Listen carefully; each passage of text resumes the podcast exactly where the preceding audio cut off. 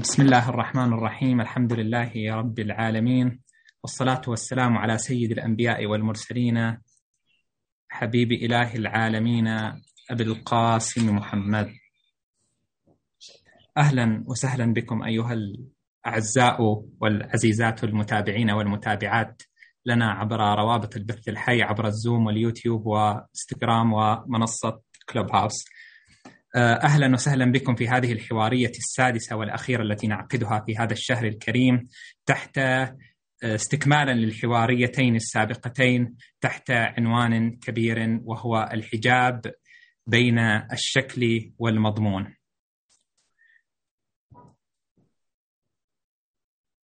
تطرقنا في الحوارية السابقة والحوارية التي قبلها حول كون الحجاب حول فكرة أن للحجاب بعد رمزي يحكي العفة والحشمة الباطنية ويعكس جلال المرأة وعزتها.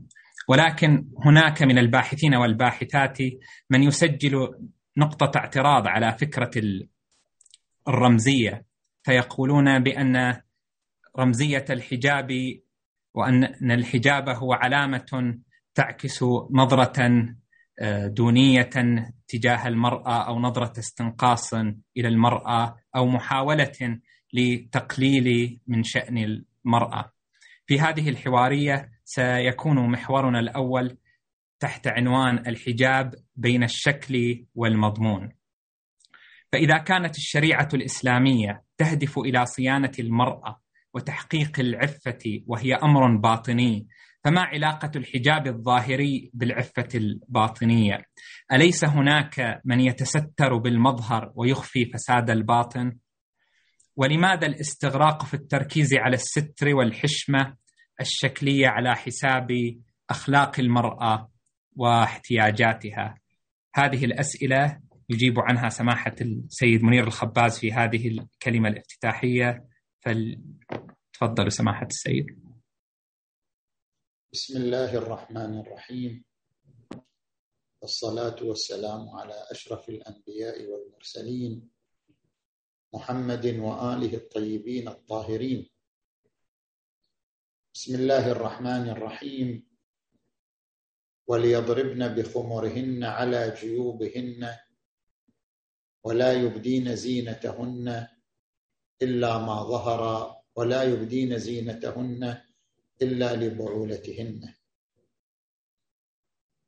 صدق الله العلي العظيم. انطلاقا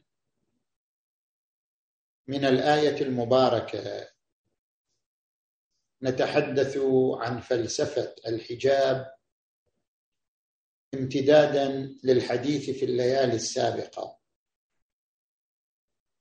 وذلك من خلال منجزات ومعطيات علمي النفس والاجتماع.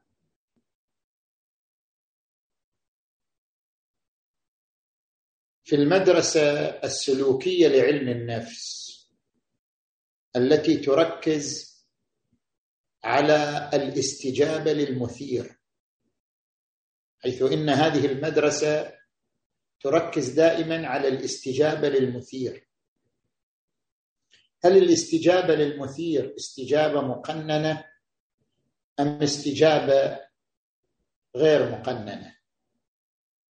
الإنسان له حاجات بيولوجية له حاجات مشاعرية له حاجات نفسية. كيف يشبع حاجاته؟ من حاجاته البيولوجية حاجته إلى الطعام. تارة يشبع حاجته إلى الطعام بطريقة مقننة فهذه حالة سوية. وتارة يشبع حاجته إلى الطعام بطريقة الإسراف وبطريقة التخمة الممرضة فهذه حالة مرضية. الاستجابة للمثير البيولوجي قد تكون سواء قد تكون حالة سوية قد تكون حالة مرضية. من الحاجات الشعورية حاجة الإنسان إلى الجنس مثلا. لكن هذه الحاجة قد يشبعها الإنسان بطريقة مقننة. فهذه حالة سوية. وقد يشبعها الإنسان بدون حدود. فهذه حالة مرضية. من الحاجات الأساسية للإنسان حاجة الإنسان وهي حاجة نفسية حاجة الإنسان إلى التملك أن يتملك الأشياء. وقد يشبع هذه الحاجة بالطرق القانونية يتملك وقد يشبعها عن طريق الاحتيال والسرقة. هذه حالة مرضية. اذا هناك استواء وهناك مرض وشذوذ في الاستجابة للمثير في إشباع الحاجة. لذلك تقسم هذه المدرسة الحالة المرضية بمعنى إشباع الحاجة أو الاستجابة للمثير من دون طرق قانونية تقسم هذه الحالة المرضية إلى عصاب ودهان. العصاب هو عبارة عن مشكلة نفسية. من يعيش توترا واضطرابا نفسيا ينعكس على سلوكه وإن كان وعيه حاضرا هذا عنده مشكلة عنده مرض عصاب. هذا يقال في حقه أنه من هذه الشخصية المعينة. أما إذا كان عنده مشكلة في الوعي يعني عنده دهان شخصية سيكوباتيه مثل نرمز إلى الشخصية الأولى ونرمز إلى الشخصية الثانية. الشخصية الأولى الشخصية العصابية نظير المتكبر الذي يعيش التكبر قلبا وسلوكا. ورد عن الرسول صلى الله عليه وآله ما تكبر أحد ولا تجبر إلا لذلة يجدها في نفسه. لأنه يعيش النقص في نفسه لذلك ينعكس على سلوكه بطريقة التكبر والتجبر. هذه شخصية عصابية شخصية مريضة نفسيا. وهناك الشخصيه سيكوباتية التي لا تشعر بالمسؤولية. وتغامر لأنها لا تمتلك وعيا وهو وعي التخطيط للمستقبل. هذه مشكلة مرضية أخرى. نحن عندما نأتي إلى الحالة المرضية الأولى وهي الشخصيه العصابية التي تعيش مشكلة نفسية كالمتكبر مثلا. أو الشخص اللي عنده ازدواجية في الشخصية. هذه حالة مرضية. هذه الحالة المرضية كيف نجنب ونصون المجتمع منها ومن انتشارها. القرآن الكريم يتعرض لحالتين مرضيتين. الحاله المرضية الأولى النفاق. في قلوبهم مرض فزادهم الله مرضا. يعبر عن المنافقين. النفاق هي عبارة عن ازدواجية شخصية. شخص يكذب يكذب يعني سلوكا. يظهر خلاف ما يبطن. شخصية مرضية. والمرض الآخر الذي ورد عند الحديث عن نساء النبي صلى الله عليه وآله قال فلا تخضعن بالقول فيطمع الذي في قلبه مرض. يعني الذي يعيش حالة توتر عاطفي وجنسي.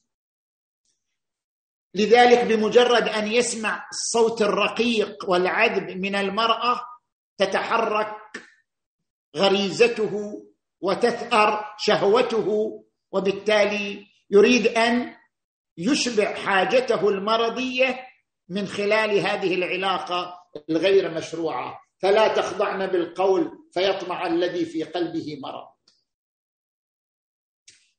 هنا حالتان مرضيتان. لدى المجتمع.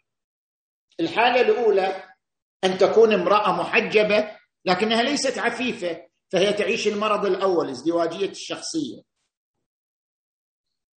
أو أنها تقول أنا مسلمة مؤمنة متدينة ولكنها تمارس علاقات غير مشروعة. أو الرجل نفس الشيء. وعندنا الحالة المرضية الثانية هي هذا. الرجل الذي يعيش توترا عاطفيا ويعيش اضطرابا جنسيا أو شذوذا فينجر ويجري ويركض وراء صوت المرأة وراء صورة المرأة وراء شكل المرأة. وهذا موجود كثير في المجتمعات. لأجل أن نصون المجتمع عن هاتين الحالتين المرضيتين وأمثالهما من الأمراض. أي لأجل أن نصون المجتمع عن أن يكون مجتمع إثارات وإغراءات وتحريك للشهوات والغرائز. من هنا جاءت فريضة الحجاب. من هنا جاءت فلسفة الحجاب. الحجاب له منطلقات ثلاثة. منطلق اجتماعي ومنطلق روحي ومنطلق تربوي. المنطلق الأول وهو المنطلق الاجتماعي. المجتمع يعيش امراضا سلوكية هي عبارة عن اضطراب في الغرائز والشهوات. زين للناس حب الشهوات من النساء والبنين. يعيش اضطرابا في الغرائز والشهوات. كيف نصون المجتمع من انتشار هذه الأمراض. هنا جاء دور الرجل دور المرأة. لا يصح أن نقول بأن الإسلام أوكل مهمة صيانة المجتمع من إثارة الشهوات على المرأة فقط بأن أمرها بالحجاب. المسؤولية مشتركة وفي عرض واحد. ولذلك أمر الرجل اولا. قال قل للمؤمنين يغضوا من أبصارهم ويحفظوا فروجهم. وقال في آية أخرى قد أفلح المؤمنون الذين هم في صلاتهم خاشعون والذين هم لفروجهم حافظون. على الرجل أن يكبح شهواته أن يضبط غرائزه أن يعيش إرادة تتحكم في ضبط شهواته وغرائزه. هذه وظيفة الرجل هي الوظيفة الأولى في القرآن الكريم. الوظيفة الثانية المرأة. المرأة من خلال التزامها بالحجاب. بعد أن تحدث عن وظيفة الرجل جاء إلى المرأة وقل للمؤمنات يغضضن من أبصارهن ويحفظن فروجهن ولا يبدين زينتهن. إلا ما ظهر منها وليضربن بخمرهن على جيوبهن. اذا الحجاب في عرض صيانة الرجل لغرائزه وشهواته. هما وظيفتان لصيانة المجتمع من إثارة الشهوات والغرائز. من هنا يقول القرآن الكريم والمؤمنون والمؤمنات. بعضهم أولياء بعض. يأمرون بالمعروف وينهون عن المنكر. ليس المقصود بالأمر هنا الأمر اللفظي فقط الأمر السلوكي. نفس ضبط الرجل لمشاعره وغرائزه هو أمر بمعروف ونهي عن المنكر. هذه حالة الضبط هي في حد ذاتها أمر بمعروف. نفس التزام المرأة بالحجاب هو في حد ذاته أمر بمعروف ونهي عن المنكر. لأن كليهما يمارس دورا وقائيا وهو صيانة المجتمع عن إثارة الشهوات والغرائز. هذا المنطلق الأول. المنطلق الثاني منطلق روحي. لاحظوا اقرأوا الآية الواردة في نساء النبي. يا نساء النبي لستن كأحد من النساء. إن اتقيتن. فلا تخضعن بالقول فيطمع الذي في قلبه مرض وقلن قولا معروفا وقرن في بيوتكن ولا تبرجن تبرج الجاهلية الأولى. القرآن لم ينطلق للحجاب بشكل مباشر. لا اعتبر الحجاب امتداد لقيمة أخلاقية تتحلى بها المرأة. الحجاب ليس شكل الحجاب ليس شكل وعباءه كما ذكر البعض في بعض الأسئلة كيس أسود. لا. الحجاب ليس شكلا ولا عباءة. الحجاب أعظم من ذلك أعمق من ذلك. الشكل والحجاب فريضة لكن الحجاب أعمق من ذلك. الحجاب هو امتداد ومظهر لقيمة خلقية تعيش في قلب المرأة. لذلك بدأ القرآن بالتقوى اولا. قال إن اتقيتم يعني تدرج من القيمة الخلقية في القلب إلى القيمة السلوكية في التعامل مع الآخر إلى القيمة المظهرية من خلال الحجاب. اولا التقوى. ذلك ومن يعظم شعائر الله فإنها من تقوى القلوب. التقوى في القلب تقوى. أن تعيش المرأة قيمة خلقية اسمها العفاف اسمها التقوى. هذه القيمة الخلقية القلبية منطلق إلى سلوك في التعامل مع الآخر. فلا تخضعن بالقول لأن كن تقيات. لا تتحدثن مع الرجل بصوت رقيق عذب تحدثن بالشكل العادي. فلا تخضعن بالقول فيطمع الذي في قلبه مرض. قوموا بعملية وقائية حتى لا تتحرك بعض الشهوات والغرائز. هذه عملية سلوكية. ثم انطلق من السلوك إلى المظهر. وقرن في بيوتكن ولا تبرجن تبرج الجاهلية الأولى. وأقمنا الصلاة وآتينا الزكاة. شوف لاحظ. لأهمية الحجاب قدمه على إقامة الصلاة وإيتاء الزكاة. لأهميته ومدى فاعليته في صيانة المجتمع من أمراض اجتماعية وشهوية خطيرة قدمه على إقامة الصلاة. وأقمنا الصلاة وآتينا الزكاة وأطعنا الله ورسوله. اذا أين القيمة الروحية للالتزام بالحجاب؟ الحجاب مظهر للتقوى القلبية.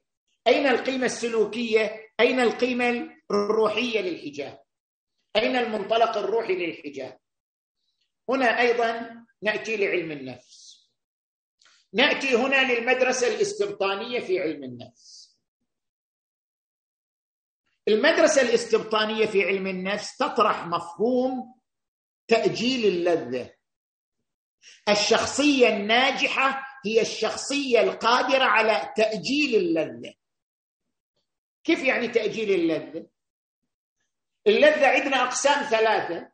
لذة حسية لذة الطعام. لذة نفسية لذة الحب. أنا أحب أن يمدحني الناس أن يثني علي الناس ألتذ بمدح الناس وثنائهم الحب الاجتماعي. لذة عقلية. عندما أقوم بحل معادلات رياضية أو تدقيقات فلسفية أحصل على لذة عقلية. فعندي لذة حسية لذة نفسية لذة عقلية. هل أنت قادر على تأجيل لذتك؟ الشخصية الناجحة هي القادرة على تأجيل اللذة والصبر. كيف؟ يقسمون التأجيل ثلاثة أقسام تأجيل معوض تأجيل مثمن تأجيل مبدئي. التأجيل المعوض شوف انت الطالب والطالبة أيام الامتحانات. ينام قليل مع إنه يحب النوم. ويترك الجلسات مع الأصدقاء. ويترك الطلعات. ويسهر يسهر يستغرق في البيت. هذا قاعد يأجل لذته. إنما يؤجل لذته لأجل العوض وهو التفوق الدراسي. هذا تأجيل معوض. وهناك تأجيل مثمن الإنسان الذي يضحي. هناك أناس يضحون في سبيل وطنهم في سبيل مبادئهم إما يضحي بنفسه أو يضحي بماله أو يضحي بوقته. هذا الذي يضحي في سبيل مجتمعه يقابله المجتمع بالتقدير والتثمين. رجال لا تلهيهم تجارة ولا بيع عن ذكر الله. من المؤمنين رجال صدقوا ما عاهدوا الله عليه. تثمين هذا تأجيل مثمن. أعلى درجات التأجيل التأجيل المبدئي. أن أؤجل اللذة لا لأجل طلب عوض ولا لأجل انتظار ثمن بل لأن مبدئي هو تأجيل اللذة. تأجيل اللذة لأن في التأجيل روح مبدئيه لأنني أعيش حالة التأجيل. هنا هذه مسألة الصبر. أن تصبر على تأجيل اللذة. أنت شاب تعيش غريزة جنسية تعيش اضطراب عاطفي. هل أنت قادر على تأجيل اللذة إلى أن تكون في إطارها القانوني؟ هذا يحتاج إلى صبر. أنت امرأة تعيشين اضطرابا عاطفيا. رغبة في علاقة عاطفية مع الرجل. هل تقدرين على تأجيل هذه اللذة إلى أن تكون في إطارها القانوني؟ هنا يقول العرفاء اللذة في ترك اللذة اللذة في تأجيل اللذة. كيف أن الإنسان في أيام شهر رمضان يصبر 15 ساعة؟ تأجيل للذة. من أجل ثواب من أجل طلب رضا الله. اللذة في ترك اللذة. من هنا يأتي المنطلق الروحي للحجاب. أن المرأة بطبيعتها تحب أن تتزين تحب أن تبرز بجمالها تحب أن يمدح الرجل ويثني على جمالها. حتى حتى المرأة العفيفة إذا مدح الرجل جمالها ترتاح نفسيا. هذا أمر إنساني طبيعي. لكن هذه المرأة تتحجب والحجاب عبارة عن تأجيل اللذة. لا لأجل عوض يمكن هي تقصد العوض في الآخرة. لا لأجل التثمين. يمكن هي تقصد أن المجتمع يقدر لها التزامها بالحجاب. لكن المطلوب تأجيل المبدئي أن تؤجل اللذة من خلال الالتزام بالحجاب لأن هذا مبدأ يسمى الصبر قوة الإرادة. إنما يوفى الصابرون أجرهم بغير حساب. والعصر إن الإنسان لفي خسر إلا الذين آمنوا الذين يقيمون الصلاة ويؤتون الزكاة إلا الذين آمنوا وعملوا الصالحات وتواصوا بالحق وتواصوا بالصبر بقوة الإرادة بتحدي الغريزة. نأتي إلى المنطلق الثالث المنطلق التربوي. المنطلق التربوي تحدثنا في الليلة السابقة عن أن الحجاب رمز له قيمة رمزية. ماذا يقول علماء الاجتماع عن قيمة الرمز؟ الرمز إما بناء مثل ما قلنا المنارة رمز للمسجد رمز للعبادة. الصليب رمز للحادثة التي يعتقد المسيحيون أنها حدثت للمسيح عليه السلام رمز. وإما أن يكون الرمز لباس. الطبيب يلبس السماعة رمز إلى أنه طبيب. وإما أن يكون الرمز عمل من الأعمال. الإنسان يذهب إلى منى ويرمي جمرة العقبة بسبع حصيات رمز للبراءة من الشيطان ورفض الشيطان. رمز. الرمز قد يكون بناء قد يكون لباس قد يكون عمل. ما هي قيمة الرمز؟ الرمز له ثلاث دلالات. دلالة حضارية قيمة حضارية. دلالة اجتماعية. دلالة تربوية. ونحن نريد أن نطبق هذه الدلالات على الحجاب. الحجاب رمز. المرأة تلبس الحجاب رمزا لهوية دينية. رمزا لهوية قرآنية رمزا لخلق تعيشه في قلبها ألا وهو التقوى. إن اتقيتن. ما هي القيمة لهذا الرمز؟ القيمة الأولى قيمة حضارية. كما أن المنارة في برلين في نيويورك لها قيمة حضارية وهي رمز للحضارة الإسلامية. الحجاب خصوصا في الغرب رمز للحضارة الإسلامية. الحضارة الإسلامية ليست مجرد مساجد وحسينيات ومنابر. الصلاة رمز للحضارة الإسلامية. الحجاب رمز للحضارة الإسلامية. عندما يقف المسلم ويصلي في مطار نيويورك هذه العملية رمزية للحضارة الإسلامية. اذا الحجاب له قيمة حضارية. وهو أنه رمز للهوية الإسلامية ورمز للقيمة الخلقية التي تعيشها المرأة. هذه قيمة حضارية. القيمة الأخرى قيمة اجتماعية. كيف؟ أنت الآن لاحظ. أنت شايف الآن دعاية ما عليها صورة امرأة؟ شايف دعاية خلوا صورة رجل؟ ابدا جميع أغلب الدعايات في المجلات في الجرائد في النت في التلفاز في أي فيلم. دعاية هي المرأة صورة المرأة جسم المرأة شعر المرأة وجه المرأة يد المرأة ساق المرأة. صح ولا لا؟ أصبحت المرأة سلعة رخيصة مبتذلة للإعلانات والدعايات. من هنا إذا لبست الحجاب فهي تقول للمجتمع أنا لست سلعة. أنا لست سلعة رخيصة مبتذلة. وهذا الحجاب رمز للإعلان أنني لست سلعة. اذا الحجاب له قيمة رمزية اجتماعية وهي الإعلان لكل من يراها أن هذه المرأة ليست سلعة مبتذلة للإعلانات والدعايات وما شاكل ذلك. هذه قيمة اجتماعية للحجاب. القيمة الثالثة القيمة التربوية.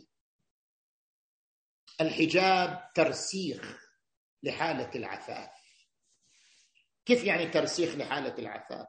أنا الآن إنسان ما عندي مرض سليم الجسد لكن أمارس الرياضة لماذا؟ لأجل أن تبقى الصحة وترسخ. أمارس الرياضة لترسيخ الحالة الصحية في جسمي. أنا إنسان أصلي وأصوم. لكن أصلي النافلة أيضا لترسيخ حالة العلاقة مع الله عز وجل. أيضا هذه المرأة عفيفة نبيلة طاهرة لكن تقوم بترسيخ العفاف والطهارة والنبل من خلال الالتزام بالحجاب والإصرار على الحجاب. الإصرار على الحجاب ترسيخ لحالة العفاف.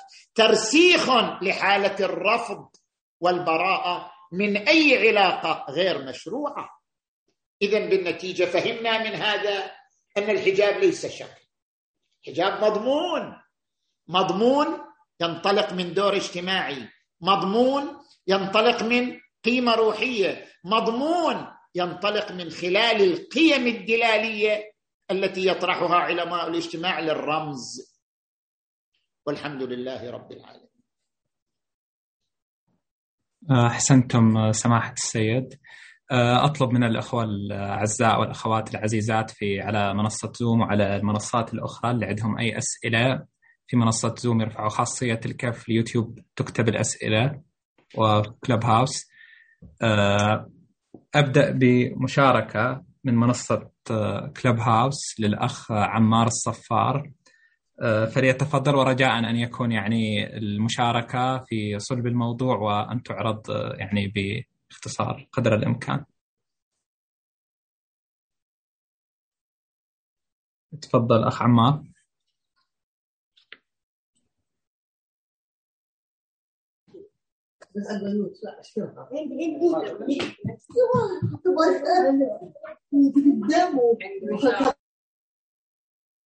الاخ عمار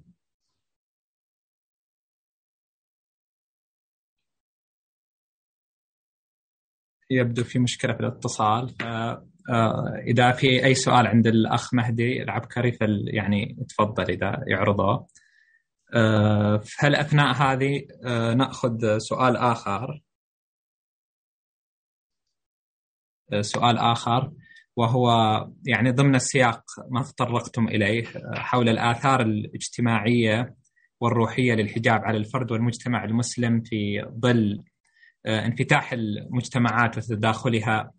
يعني آه، عفوا. يعني ما هي تفضل. لو سمحت أسأل؟ اي عفوا تفضل. اي تفضل. إيه.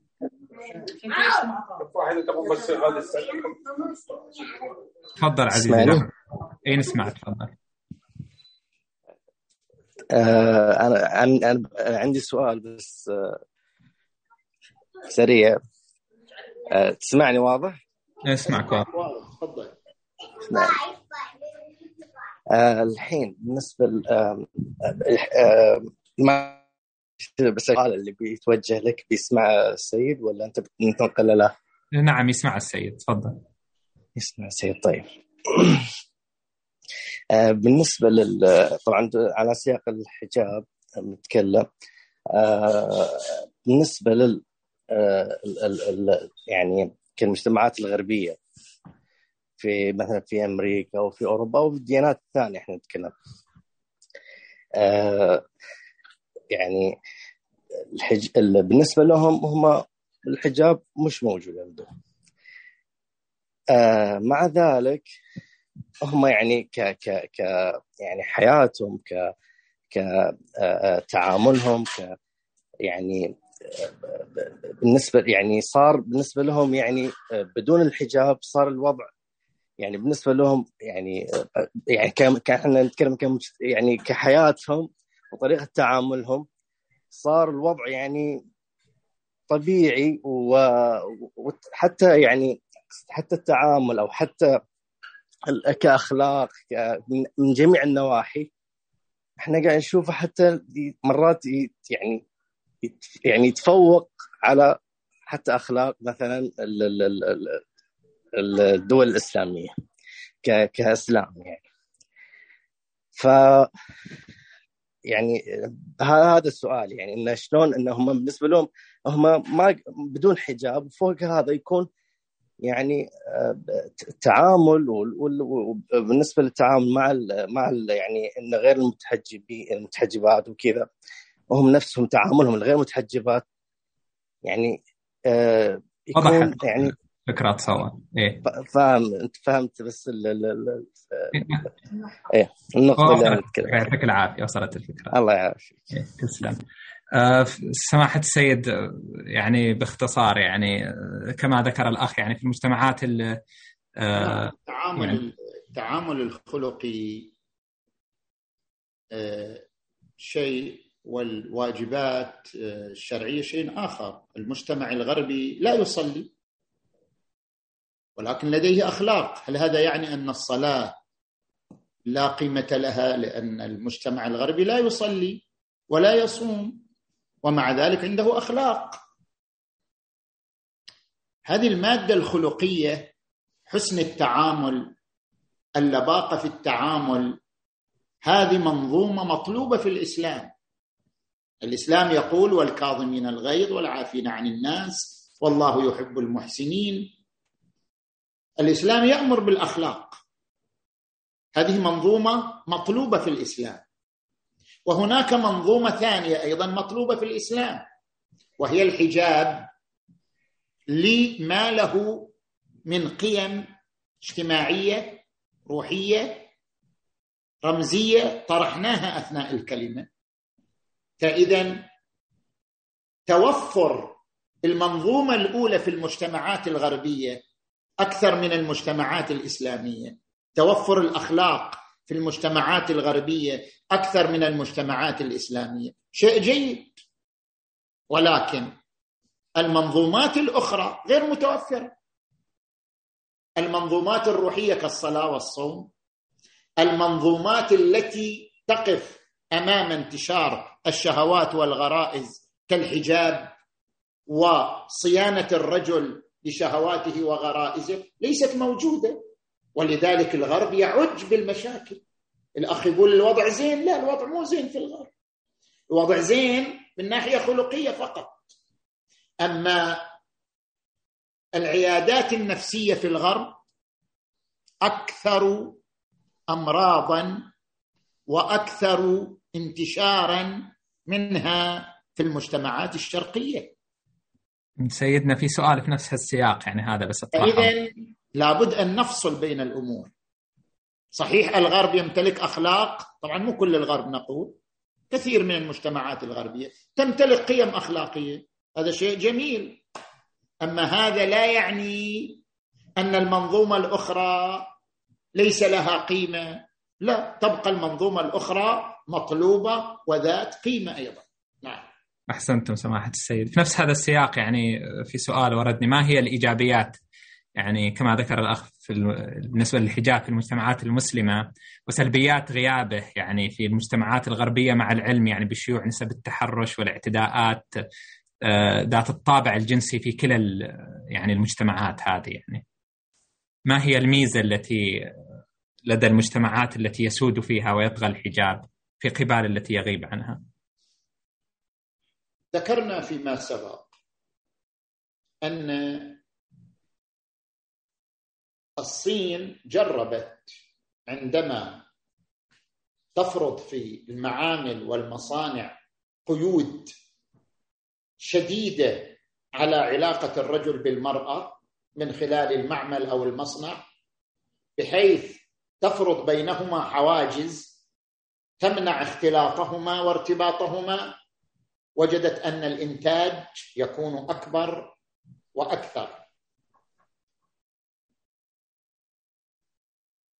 الآثار والإيجابيات التي تنعكس من خلال التزام المرأة بالحجاب مع انفتاح المجتمعات وتداخل الثقافات خصوصا الآن مع انفتاح وسائل التواصل. الإيجابية الأولى هو الدور الاجتماعي. المرأة المصرة على الحجاب مع هذا الانفتاح مع أنها تسافر إلى الغرب تسافر إلى أوروبا لكنها ملتزمة بالحجاب. هذه المرأة تمشي من أوروبا إلى أمريكا وهي تدعو لحضارتها الإسلامية. تمارس دورا اجتماعيا وهو الإبراز لهويتها الإسلامية وهويتها الحضارية. كما المبشرات. الآن أنت إذا تروح المجتمع الغربي تجيك راهبات تبشر بالمسيحية تدعو للمسيحية. وهذا المرأة بنفس حجابها هي تدعو لهويتها الدينية وحضارتها الإسلامية. الدور الآخر الذي تقوم به المرأة من خلال التزامها بالحجاب حتى مع هذا الانفتاح هي مشاركتها مع الرجل في صيانة المجتمع. المرأة تقوم بدور ضخم. ترى المرأة من تتحجب مو فقط تقوم بواجب. ربما تشعر المرأة أنها إذا تحجبت فهي قامت بواجبها بينها وبين الله. لا مو بس هذا. المرأة التي تلتزم بالحجاب لها فضل على المجتمع. هي قاعدة تسهم في صيانة المجتمع من أي إثارات. ربما يقول إنسان طيب هذه الإثارات في ناس معدودين أشخاص معدودين واحد عنده شذوذ واحد عنده مشكلة نفسية واحد مو كل الناس مع ذلك.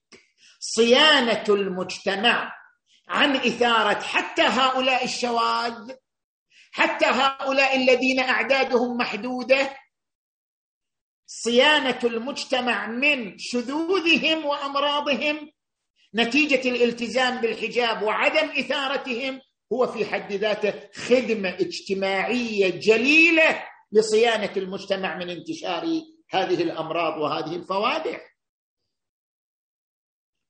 والدور الروحي الذي تقوم به المرأة أنها في درب الزهراء وفي درب زينب هل هناك أعظم من ذلك؟ المرأة المصرة على الحجاب خصوصا في الزمن المعاصر هي تشعر شعورا روحيا عاليا بأنني في درب فاطمة في درب زينب في درب خديجة في درب النساء اللاتي مدحهن القرآن الكريم. أنا في دربهن. هذا الشعور إذا حظيت به المرأة المتحجبة خصوصا في المجتمعات المنفتحة شعورها بأنها في درب زينب والزهراء يجعل علاقتها الروحية مع الله علاقة عالية وسامية من خلال الالتزام بالحجاب. نعم. أحسنتم سماحة السيد. انتقل إلى الأخ مهدي العبكري اللي يتفضل عنده بعض الاسئله وصلته السلام عليكم. عليكم السلام. جزاكم الله بالخير. أه سيدنا وردنا سؤال عبر اليوتيوب عن له مسألة الكبت. يعني يقول الحجاب وعدم الاختلاط باقي الموانع اللي بين الرجل والمرأة في الثقافة الإسلامية. هذه تسبب كبت للرجل وبالتالي يضطر يعني تفريغ هذا الكبت إنه يميل للجنس المماثل هذا يؤدي إلى الشذوذ. كيف نحل هذه المشكلة؟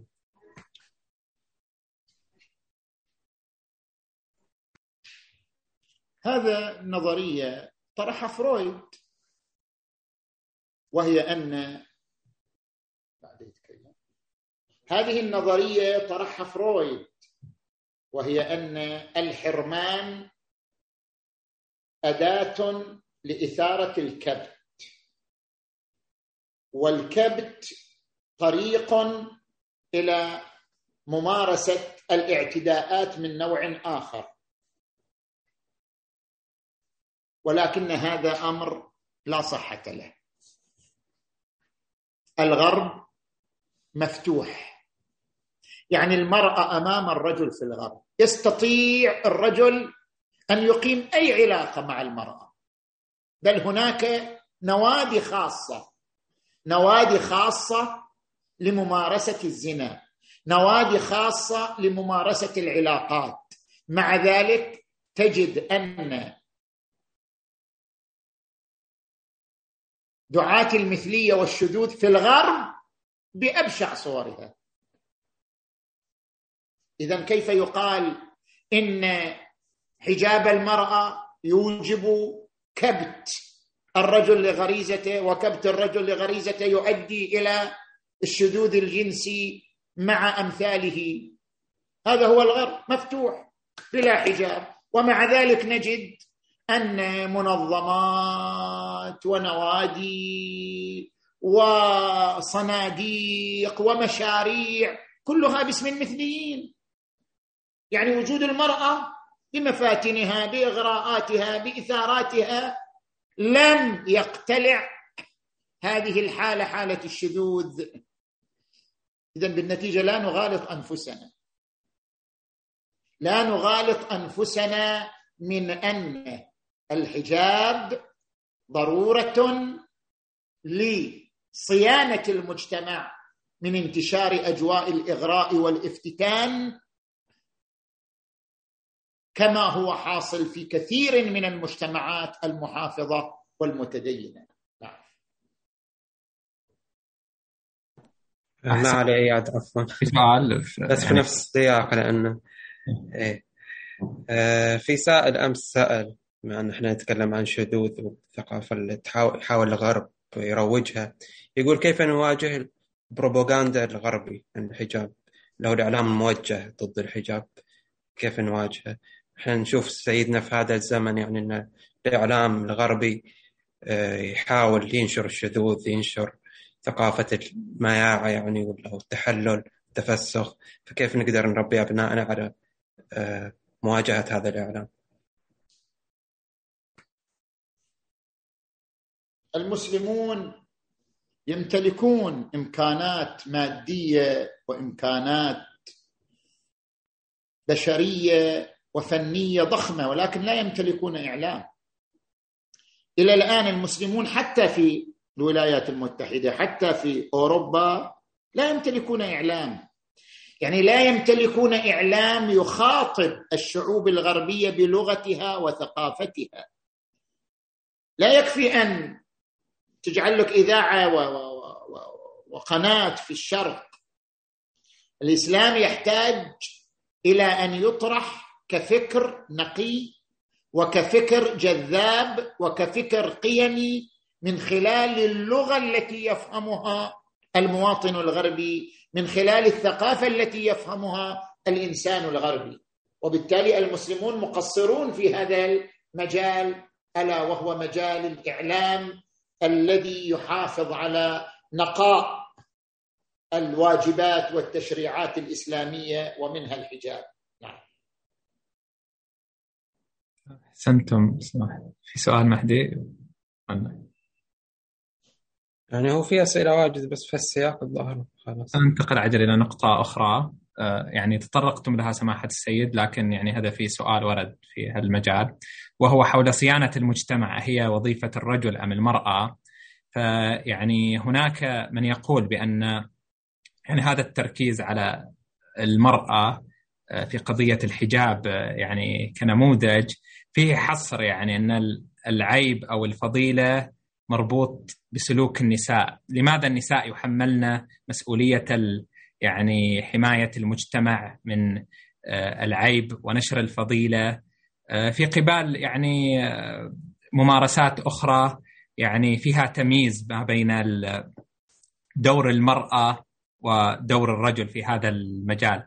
ف يعني وهل في القول بكون الحجاب يعني ضرورة اجتماعية إشارة لضعف المجتمع وحمايته آه، وهل يعني أهداف تشريع الحجاب تهدف إلى يعني حماية الرجل وإجهاض مشروع تكامله في كبت الشهوة والسيطرة عليها؟ اولا عندما يقول الإنسان أن الحديث عن فلسفة الحجاب بجعل الهدف من الحجاب هو وقاية المجتمع من الأمراض الخلقية والغريزية. هذا معناه أن المجتمع ضعيف. مرة طايح مرة كلش. بس حارس الحجاب. هذه تعبير أو هذا تعبير عن ضعف المجتمع وانهياره.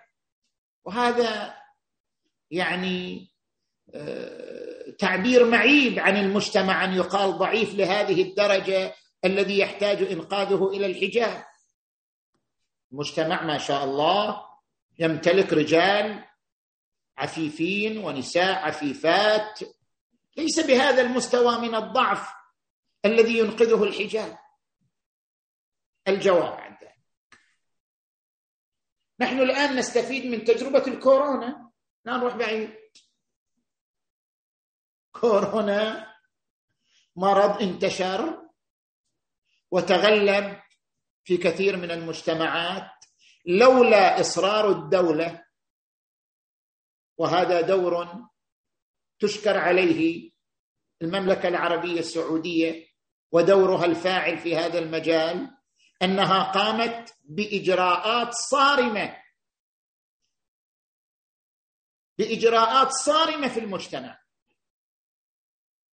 الحجر الصحي لمدة شهور فرض عقوبات وغرامات على عدم استخدام الكمام على عدم التباعد في مواطن الالتقاء إغلاق مقاهي إغلاق أسواق. لولا هذه الصرامة من الدولة لكان مرض الكورونا قد أزهق أرواح الآلاف. أليس المجتمع ضعيفا؟ مجتمع يعي يعي أهمية الصحة يعي خطورة المرض يعي مدى حاجته للاحترازات الصحية. ومع ذلك ومع ذلك كثير من أبناء المجتمع لا يبالي. ونتج عن ذلك استفحال المرض في كثير من المجتمعات كما تسمعون. لماذا؟ أين قوة المجتمع؟ اذا لا نغالط أنفسنا. المجتمع لا يؤخذ بنخبة من الناس. نعم هناك نخبة من الناس تعيش العفاف والالتزام والوقار. محجبات وغير محجبات متدينين وغير متدينين.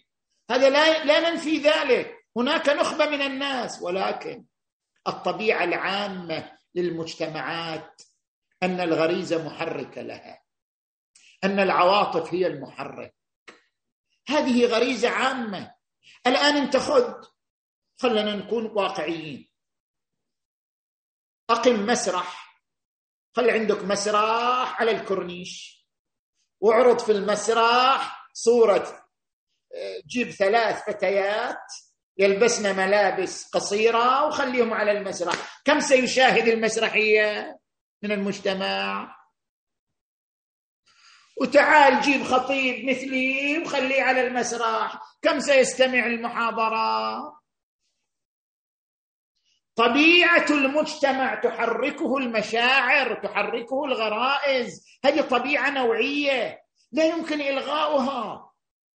اذا من خلال التفات الدين إلى خطورة هذه الطبيعة النوعية على المجتمع وهي أنه يتحرك على ضوء غرائزه على ضوء عواطفه أمر الرجل اولا أمر الرجل اولا بقيام بدوره قل للمؤمنين يغضوا من أبصارهم ويحفظوا فروجهم. ثم أمر المراه وقل للمؤمنات يغضضن من أبصارهن ويحفظن فروجهن. هذا اولا. وثانيا كما ذكرنا في بداية اللقاء وفي الحوارات السابقة. القرآن والدين قسم الأدوار بين الرجل والمرأة. فلم يجعل المسؤولية على المرأة في صيانة المجتمع دون الرجل ولم يجعل المسؤولية على الرجل دون المرأة. كل منهما يقوم بدوره الحيوي في صيانة المجتمع من هذه الأمراض الخلقية. وثالثا لماذا لا تقولوا للرجل صير آدمي؟ تروحوا للمرأة المسكينة المستكينة تقول البسي عباء والبسي بوشية وتاركين هذا الرجل. طيب كل تعاليم الدين كل التعاليم الدينية هي لحفظ الطرفين. هي خطاب للطرفين. أقم الصلاة خطاب للطرفين. كتب عليكم الصيام خطاب للطرفين. يا أيها الناس إنا خلقناكم من ذكر وأنثى وجعلناكم شعوبا وقبائل لتعارفوا إن أكرمكم عند الله أتقاكم. خطاب للطرفين. كل التعاليم الدينية. تخاطب الطرفين تأمر الرجل بضبط مشاعره بضبط غرائزه. ولكن عندما نتحدث عن المرأة هذا لا يعني الإغفال من الحديث عن وظيفة الرجل. نعم. أحسنتم سماحة السيد. أه، بس أطلب من الأخوة في منصة الزوم. عفوا بس. لو سمحت. أه، بس قبل لا تداخل. إذا في أي مداخلة من منصة كلب هاوس فأرجو من الأخوة أن يعني يرفعوا طلب المايك. وإذا في سؤال عندي سؤال لو سمحت تفضل بس بشكل مختصر. طيب. آه في العصر الحديث حاليا يعني الحجاب اختلف. يعني يعني في بعض صار بعض يعني النساء مثلا لما يتحجبون يظهر مثلا آه، بطرف الشعر في مثلا في من المقدم من الأمام. في بعض المرات مع مع مع الحداثة ومع الموديلات الجديدة ومع يصير في بعض الزينة. على على مثلا على الحجاب كعباية ك الشيله ومنها. وهذا الشيء طبعا ممكن أحد يجاوب يقول لي لا آه، ما يعني أوكي ما عليها من ما عليها من الباقيين.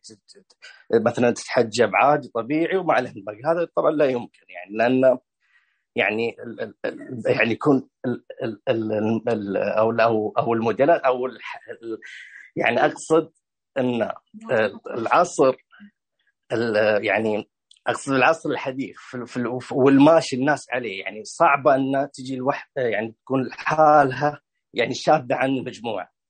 فهذا فهذا صار منتشر. يعني خلاص صار تقريبا تقريبا يعني 90% من النساء مثلا في هالاتجاه. فهي صعبة تكون لحالها إن تكون يعني يعني غيرهم ما, ينفع كذا. فهذه هذه الحالة شنو شنو الواحد شنو البنت المفروض تسوي؟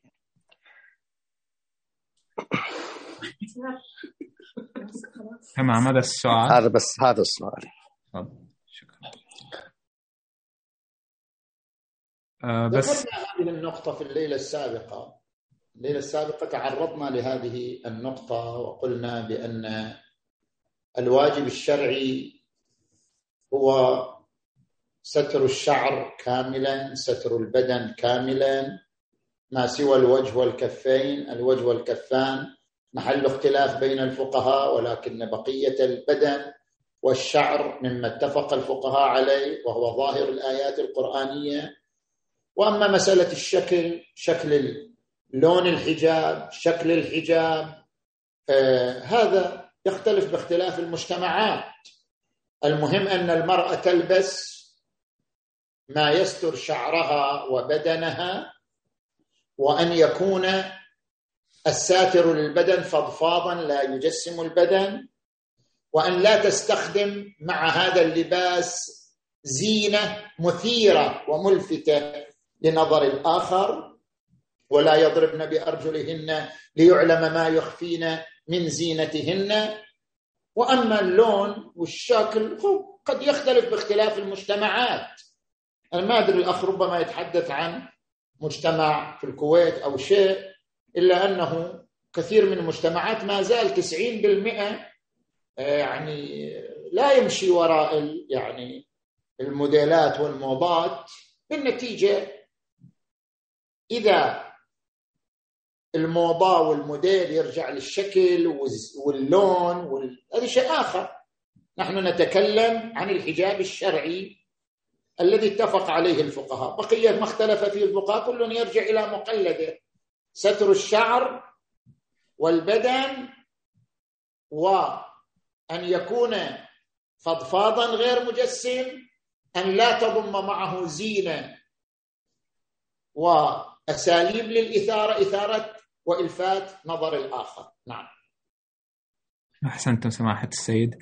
آه، إذا في أي أسئلة على منصة كلب هاوس أو الزوم في الزوم أي أحد عنده سؤال يرفع خاصية الكاف. بس اكد يعني على إن إحنا لسنا في وارد يعني آه، الاجابه على الاستفتاءات أو يعني تشخيص الأحكام في الشكل واللون وهذه القضايا يعني. آه، في سؤال مهدي. في سؤال من أمس يعني السائلة مصرة عليه يمكن رسلته مرتين ثلاث. ف نعرضه لا تزعل. تقول السيد ذكر آه أن الحجاب رمز لعفة المرأة وهويتها الإسلامية. فتقول خوب المس... الرجل أيضا مسلم. فليش ما في شيء يعني يظهر إسلامه؟ ليش بس المرأة الملزمة بلبس ما يرمز إلى إسلامها أو هويتها في أشياء. الرجل أيضا كما قلنا هناك ما يبرز هويته الإسلامية لحيته. الرجل مو لحيته طبعا لحية طويلة يعني اللحية المعتادة مثل اللحيه الجميلة للاخ اياد ولا أخ مهدي يعني زين. لحيته أدبه في التعامل مع الآخرين. ممارسته للصلاة في أي مكان تجده واقف يصلي عندما يحين وقت الصلاة. هذه كلها رموز لهويته الدينية. يقوم الرجل بممارستها للمحافظة ولإبراز هويته الدينية. نعم. أحسنتم سماحة السيد. بس ننتقل إلى نقطة أخرى وهي الحجاب بين الإفراط والتفريط. وهنا آه، سألت إحدى الأخوات يعني تقول أنا من المحجبات المقتنعات بالحجاب المعتزات به وظيفة وهوية والمورثات والمورثات له أو لهذه العبادة لبناتهم وأرى حجابي مستوفيا للشروط الشرعية. القلق أو قلقي هو حين تخرج فكرة التستر أو الستر عن إطارها المعقول وندخل في فكرة تغليف المرأة ما أمكننا. وإخفاء أغلب ملامحنا وحدود وجوهنا وجودنا ونرتعب من مجرد ظهور أي أثر لطيف غير مغر لنا أمام غير المحارم. وهذا شائع عندنا كشياع الحجاب الناقص. سؤالي هو ألا يجدر بأهل الشرع أن يكونوا على وعي بضرورة التوازن وأن يدعو إلى ذلك في تطبيق المؤمنات للحجاب دون أن يدخلهن ذلك في المشقة على النفس والمبالغات المنفرة لهن ولمن حولهن في الحد الأدنى أو في الاضطرابات النفسية من الجهة المقابلة. نعم أحسنت. بالنسبة إلى موضوع آه، الحجاب بين الإفراط والتفريط هناك شعر إلى حافظ إبراهيم الشاعر المصري. أنا لا أقول دعوا النساء سوافرا مثل الرجال يجلن في الأسواق يدرجن حيث أردن لا من وازع يحمل وقار لها ولا من واقي. كلا ولا أدعوكم أن تسرفوا في الحجب والتضييق والإرهاق. ليس النساء جواهرا كي تقتنى. ليس النساء جواهرا كي تقتنى بالحفظ في الصندوق والأحقاق. زين؟ مسألة أن الحجاب بين الإفراط والتفريط. نحن نقول اولا يجب أن ننشر ثقافة أن الحجاب قيمة خلقية وليس شكلا. الحجاب مضمون وليس مظهر. الحجاب ينطلق من القيمة الخلقية التي تمتلكها المرأة وهي قيمة التقوى والصبر والإرادة. لذلك قيم المرأة الخلقية هي اولا والحجاب هو مظهرها ومبرزها. نحن عندما ندعو للحجاب ندعو اولا قبل أن تتحجب المرأة إلى أن تتسم بالقيم الخلقية بالتقوى بالصبر بالإرادة بالعفاف. وحينئذ سيكون الحجاب مظهرا ومبرزا ورمزا لهذه القيم لأنه مجرد ديكور وشكل من دون تحل واتسام بهذه القيم. فلا بد من نشر هذه الثقافة حتى تخلق توازن في طرح الحجاب بين الإفراط والتفريط كما ذكرت. ثانيا لابد أن ننشر ثقافة حسن الظن. يعني لا يمكن أن أرى امرأة مثلا تفتح وجهها أو تلبس نقاب أو مثلا فأسمها بأنها فاسقة أو أنها غير متدينة أو أنها آه، كذا وكذا. ربما تقلد فقيها جوز لها ذلك. ربما يكون لها عذر يبرر لها ذلك. كما لا يجوز لها أن تخالف الحكم الشرعي إذا كان هناك حكم شرعي يمنع لا يجوز لي اتهامها بالتمرد والخروج عن الدين والفسق. هذا لا يجوز. لابد أن ننشر ثقافة حسن الظن والحمل على الصحة. يا أيها الذين آمنوا اجتنبوا كثيرا من الظن إن بعض الظن إثم. ولا تجسسوا ولا يغتب بعضكم بعضا. فاذا إذا كانت ملتزمة بالحجاب الشرعي جيد غير ملتزمة يمكن الوصول إلى نصحها من دون حاجة إلى إشاعة هذه الاتهامات وهذه الألقاب. ثالثا المرأة التي تلتزم بالحجاب الكامل بغطاء وجهها وبغطاء يديها متحجبة حجابا كاملا. وهذه لم ترتكب محرم ولا تعتبر امرأة متحجرة متخلفة. ابدا. هذه التزمت بالحجاب الكامل. فلنحترم فلنحترم إصرارها على الحجاب. كما أن الفتاة التي ترى أن الحجاب بحسب قناعتها أو تقليدها لا يعني ستر الوجه وستر الكفين. نحن نحترم وجهة نظرها لأنها تقلد من يفتي بذلك. كذلك نحترم وجهة نظر هذه المرأة التي تلبس الحجاب الكامل. لماذا نعبر عنها أنها في كيس أسود؟ لماذا؟ هل الثقافة الموضوعية تبرر لنا أن نعبر عن جزء وشريحة كبيرة من مجتمعنا بانهن متخلفات بانهن آه، مخبوءات في كيس أسود. هذا لا يجوز. هذه امرأة ملتزمة بالحجاب الكامل. هناك حديث عن السيدة الزهراء عليها السلام سألها الرسول صلى الله عليه وآله ما هو خير للمرأة؟ قالت أن لا ترى الرجل ولا الرجل يراها طبعا ليس المقصود أنها ما تطلع من البيت. مقصود كناية ده التعبير كناية. كناية عن الحجاب الكامل والصون الكامل. هذا أعلى درجات الحجاب. إذا التزمت به المرأة هذا خير في خير. هذا ليس رمزا للتخلف ولا ولا رمزا للإعوجاج. نعم. أحسنتم سماحة السيد. آه، إذا في أي أسئلة على الزوم أو آه، أو على كلب هاوس أو عند الأخ مهدي في اليوتيوب فال يعني يتفضل السائل برفع خاصية الكف الزوم أو المايك في كلب هاوس.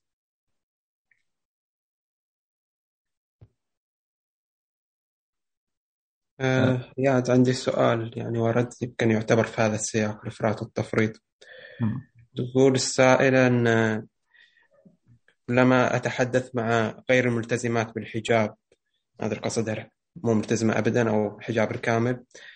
آه، يتهجم علي وأتهم بأنني آه، أتهمهن بأنهن غير عفيفات. فما هي الطريقة المثلى يعني لنصحهن يعني كل ما جيت تبغى تقرب منهم تنصحهم يقولوا أوه تقول نحن مو عفيفات. وش الحال تتحدث معهن حول الإيجابيات الأخرى للحجاب. تترك جانب العفاف. تتحدث معهن عن الإيجابيات الأخرى للحجاب. الحجاب كما ذكرنا صيانة للمجتمع تقوم بها المرأة. فتشارك الرجل في مسؤولية الصيانة. الحجاب تقوم به المرأة كقيمة حضارية ترمز لهويتها الدينية. تطرح عليهم إيجابيات متعددة وأهداف متعددة لفلسفة الحجاب. تترك عنوان كلمة العفاف حتى لا يخدش شعورهن. ويمكن أن تتحدث معهن في منطلقات أخرى حول آه، رسالة الحجاب. نعم. أحسنتم سماحة السيد. آه، يعني انطلاقا من بعض الملاحظات أو يعني خلينا نقول النقاط أو الانتقادات التي وصلت تطرقتم سيدنا بإسحاب في الحديث آه، حول فلسفة الحجاب وأهدافه وذكرتم عدة أهداف أهداف نفسية وتربوية وأسرية واجتماعية بصيغة قد تبدو حازمة أو جازمة إلى حد ما، أي كأن هذه الأهداف هي العلة آه، وراء فرض الحجاب. فصارت الكثير من الاعتراضات أو التعليقات تأتي من باب أن هذه الأهداف بالإمكان تحقيقها أو تحقيق بعضها والاستغناء عن الحجاب.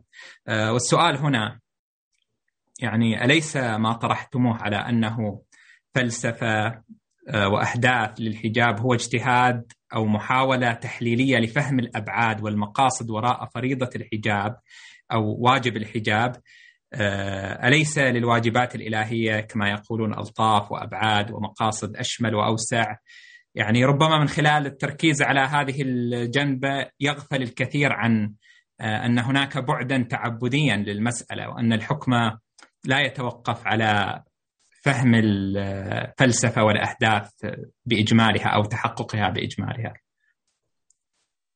الحجاب فريضة إلهية سواء فهمنا أهدافه أم لم نفهم عرفنا فلسفته أم لم نعرف كفريضة الصلاة والصوم والزكاة وأي فريضة أخرى. ولكن نحن في مقام استجلاء أهداف الحجاب من خلال النصوص. يعني ماذا نستفيد من قوله فلا تخضعن بالقول فيطمع الذي في قلبه مرض؟ نستفيد من أن هناك هدف من أهداف الحجاب وهو سد الباب أمام إثارة الشهوات والغرائز. ماذا نفهم من قوله تعالى ذلك أدنى أن يعرفن فلا يؤذين؟ نفهم أن هناك هدفا من أهداف الحجاب ألا وهو صيانة كرامة المرأة وموقعيتها الاجتماعية. فاذا هذا استجلاء لمجموعة من الأهداف من خلال النصوص الشرعية وإلا فالحجاب فريضة لا تدور مدار هذه الأهداف ويجب الالتزام بها على كل حال. أحسنتم. أحسنتم. سماحة السيد في سؤال في الزوم من الأخ محمد صادق العلي فليتفضل وباختصار وأن يكون السؤال في يعني صلب الحديث.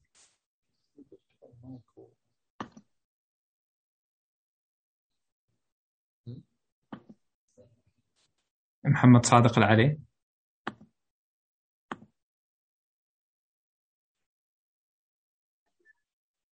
ده ممكن بس إيه تفضل.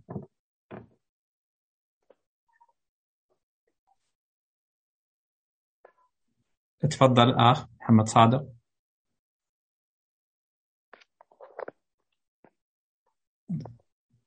عفوا الصوت غير مسموع ممكن تتكلم أو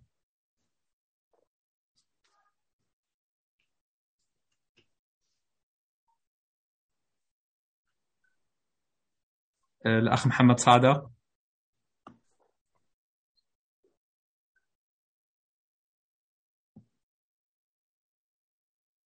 آه، مهدي إذا في سؤال عندك. يعني كأن الأخ محمد يقال له المؤمن وغي داخل. بس إذا ممكن باختصار يعني نفتح له تفضل. إيه تفضل.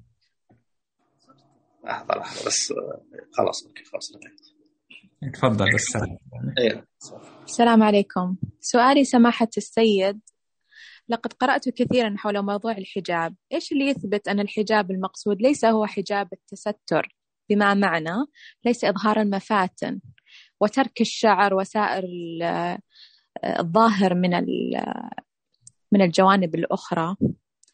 حجاب الشعر جاء من عصور كثيرة داخل فيها العادات والتقاليد يعني كculture based on culture. حتى المسيحيين كانوا يلبسون الحجاب. وأيضا في كثير من الكالتشرز يكون داخل فيها based on the culture. في القرآن لم يذكر كلمة غطاء الشعر وكون أن المرأة من زمن الأزل في عنصرية وكانوا مضطهدين ويكون تحكمها من قبل الرجل. وكل الأحكام توضع من قبل الشيوخ الرجال من باب غيرة الرجال والتحكم فيها وضع هذه الأحكام ليحدوا من الحرية ويكون لهم كامل التحكم. فكيف نرد على هذا الموضوع؟ وإيش الإثبات؟ شكرا. يعطيك العافية شكرا. طبعا سماحة السيد يعني إحنا تطرقنا تقريبا في حلقتين أو هذه الحلقة الثالثة يعني بشكل مفصل حول هذه النقاط بس إذا سماحة السيد عنده تعليق يعني في هالمجال. نعم يعني اولا ذكرنا فيما سبق أن الذهن العربي القرآن نزل باللغة العربية يقول القرآن الكريم نزل به الروح الأمين على قلبك لتكون من المنذرين بلسان عربي مبين. فيرجع في فهم القرآن إلى المجتمع العربي. ماذا يفهم من القرآن؟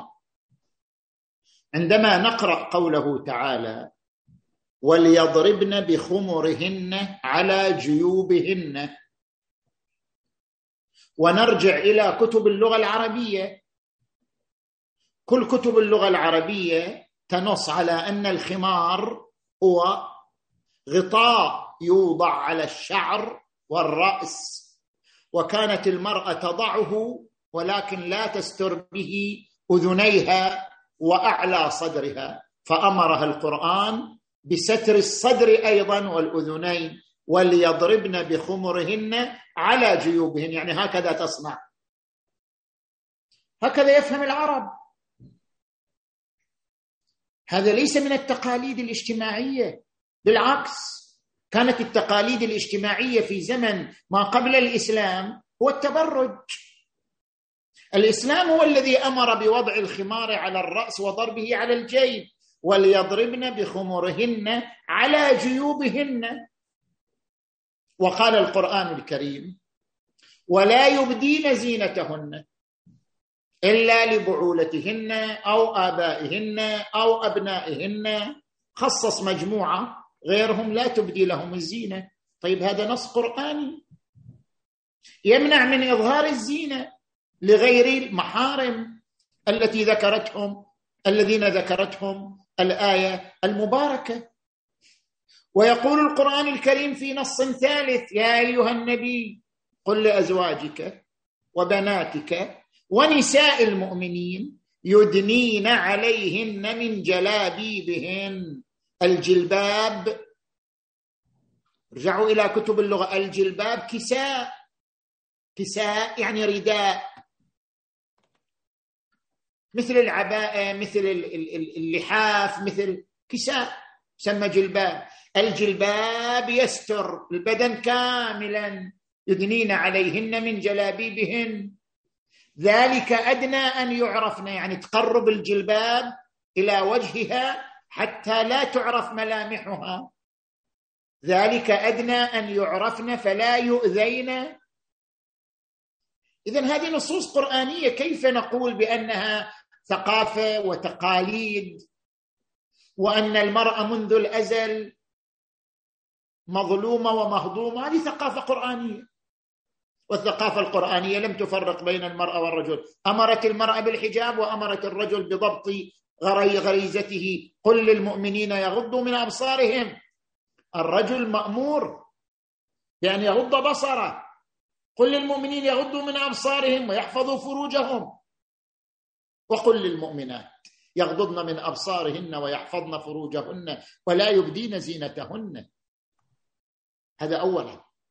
ثانيا عندما يقال هذه التشريعات صدرت من الذكور والشيوخ يعني التشريع القرآني صدر من الشيوخ والذكور النتيجة التشريع القرآني لمن هو مسلم طبعا إذا واحد مو معتقد بالإسلام هذه مسألة أخرى. لكن المسلم الذي يعتقد أن التشريع القرآني من الله تبارك وتعالى اذا ليس مصدره الشيوخ.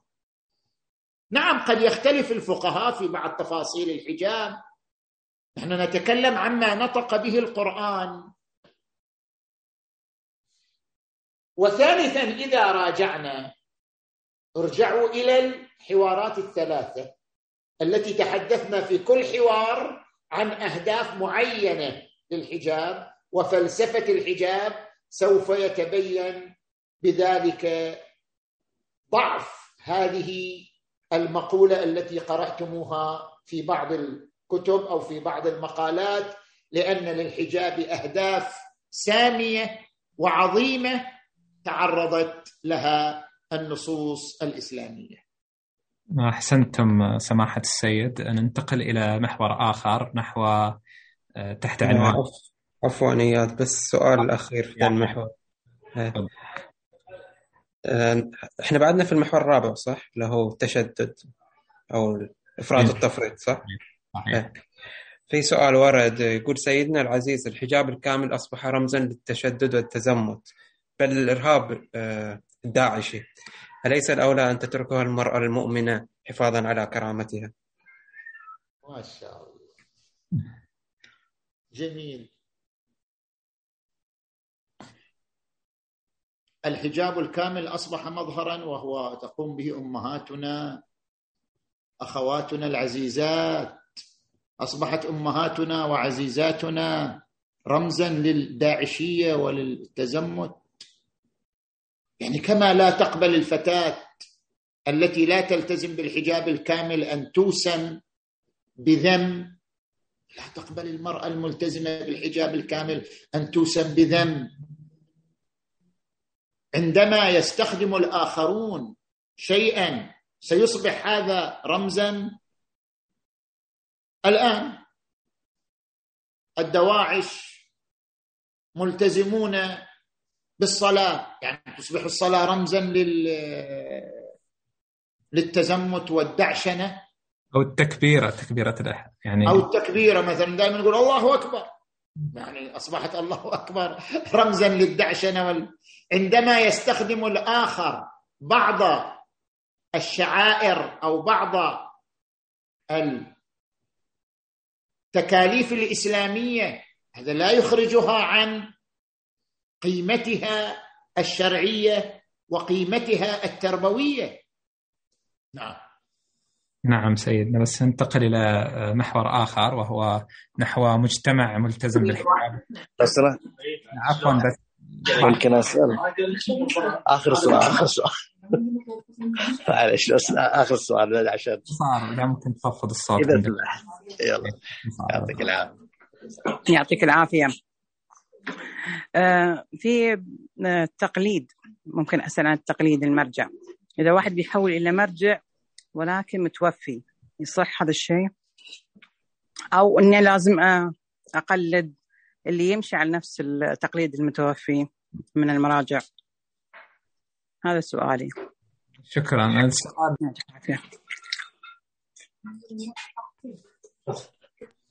ما عندي جواب يعني. السؤال هذا خارج يعني خارج الموضوع ف يعني تجاوزه.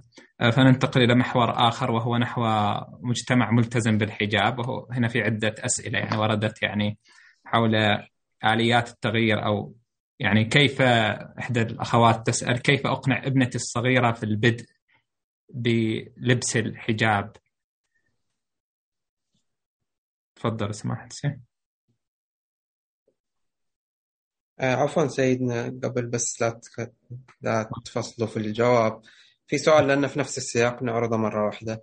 يقول البعض يرى بأن تكليف فتاة الفتاة في التاسعة من عمرها بلبس الحجاب مرهق للطفلة خصوصا حينما تكون يعني صغيرة وذات تفكير محدود. فما رأيكم؟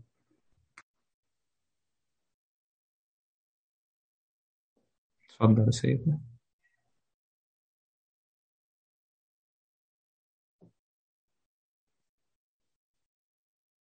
عفوا إذا تكرر السؤال السؤال اللي طرحه الأخ مهدي تفضل مهدي.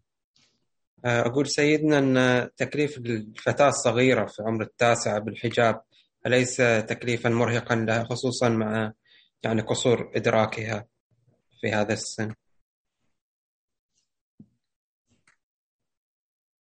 نعم إذا كان البنت في سن التاسعة ليست مدركة لأهمية الحجاب فلا بد من تربيتها على ذلك قبل وصولها إلى سن التاسعة بأن يقوم الأبوان قبل سن التاسعة على تعويدها بشكل تدريجي على الصلاة وعلى الصوم وعلى الحجاب بحيث تقوم به عندما تكمل التاسعة بنحو لائق ربما لا تستطيع أن تلتزم كما يلتزم الكبار ولكن هي تؤمر بالمقدار الذي تتمكن من ضبطه وتتمكن من إتقانه في الواجبات الشرعية المختلفة. نعم. أحسنتم سماحة السيد. آه، في سؤال ورد من الأخت مريم اللواتي آه، يعني يبدو من سلطنة عمان.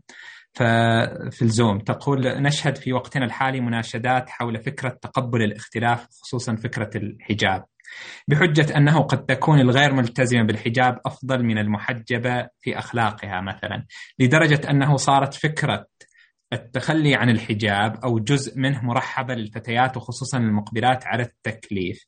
ما دور المرأة الملتزمة وواجب وواجبها في إزاء هذه الظاهرة؟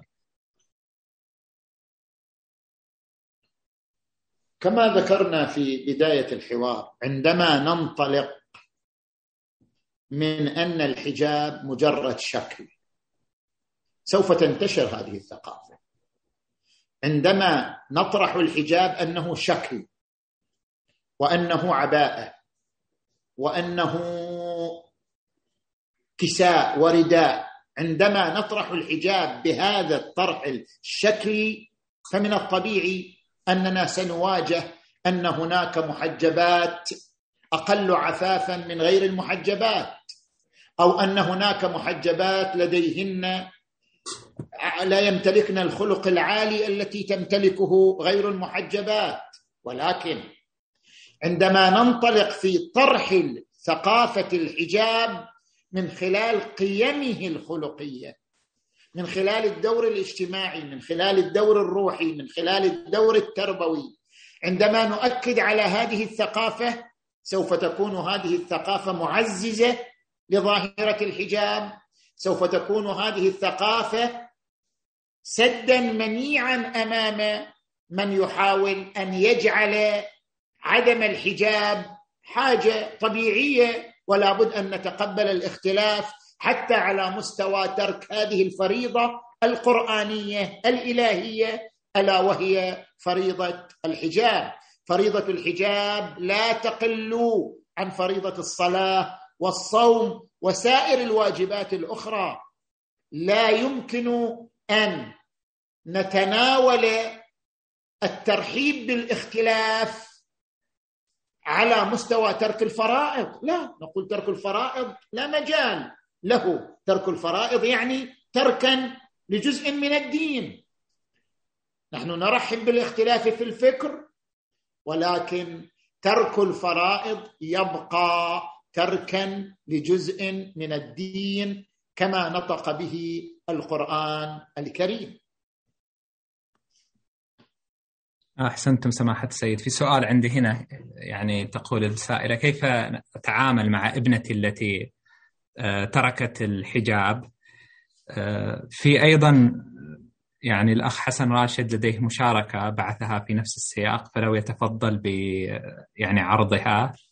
آه، الأخ حسن راشد من كندا.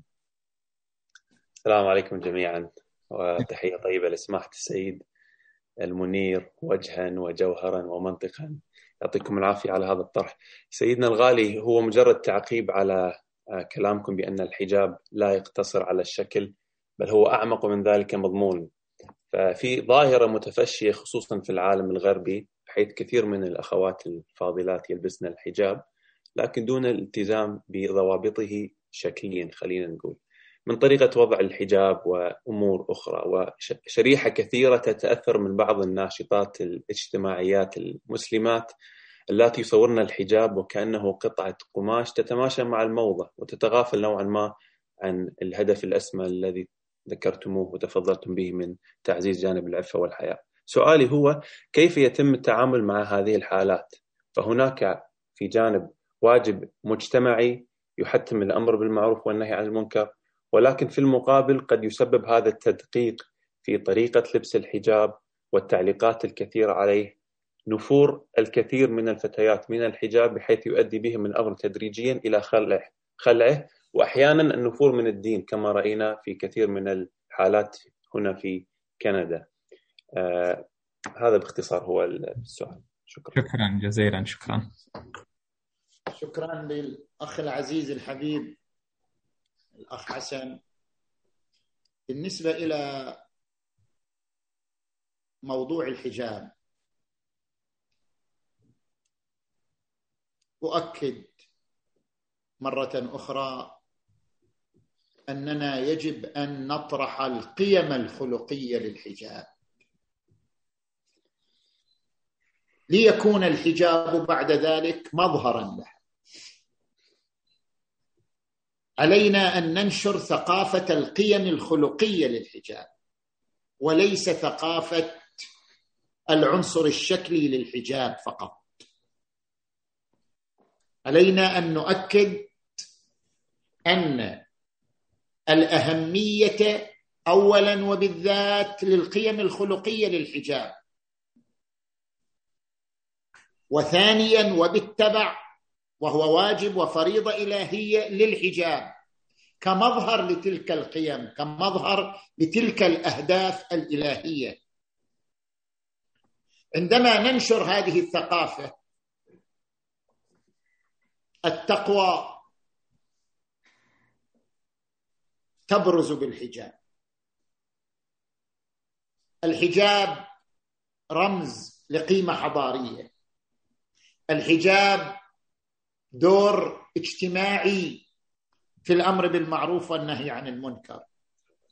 الحجاب ترسيخ لحالة العفاف وقوة الإرادة. عندما ننطلق في طرح الحجاب من هذه المنطلقات القيمية والخلقية سوف تكون صورة الحجاب خصوصا في الغرب صورة محببة. وأنا لاحظت يعني ربما في أوروبا أقل بس في الولايات المتحدة ظاهرة الحجاب ظاهرة منتشرة. حتى أنا عندما نزلت إلى مطار نيويورك وجدت إحدى المهندسات في عالم الطيران محجبة. وهي امرأة أمريكية محجبة وهي مهندسة طيران.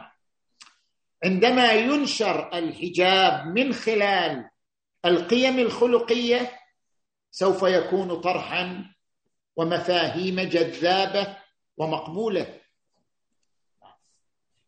أحسنتم سماحة السيد. أه في سؤال هنا. ما هي وظيفة المجتمع ورجال الدين في مسألة الحجاب والالتزام به؟ وسؤال آخر أيضا في نفس بنفس المضمون من الأخ محمد صادق العلي على الزوم يقول الشابات أصبح لديهن عزوف واضح أصبح لديهن عزوفا واضحا عن الحجاب شيئا فشيئا حتى في العوائل المؤمنة التي لا يتوقع هذه الظاهرة منهم. نحن غير المربيين ولسنا أولياء أمور. هل يمكن أن نساهم في الحفاظ على الحجاب بمشاريع تقترحونها وأنشطة نقوم بها للحفاظ على هذه الفريضة الإسلامية أو هذا التكليف الشرعي؟ أنطلق في الأخير من عدة دراسات وتقريرات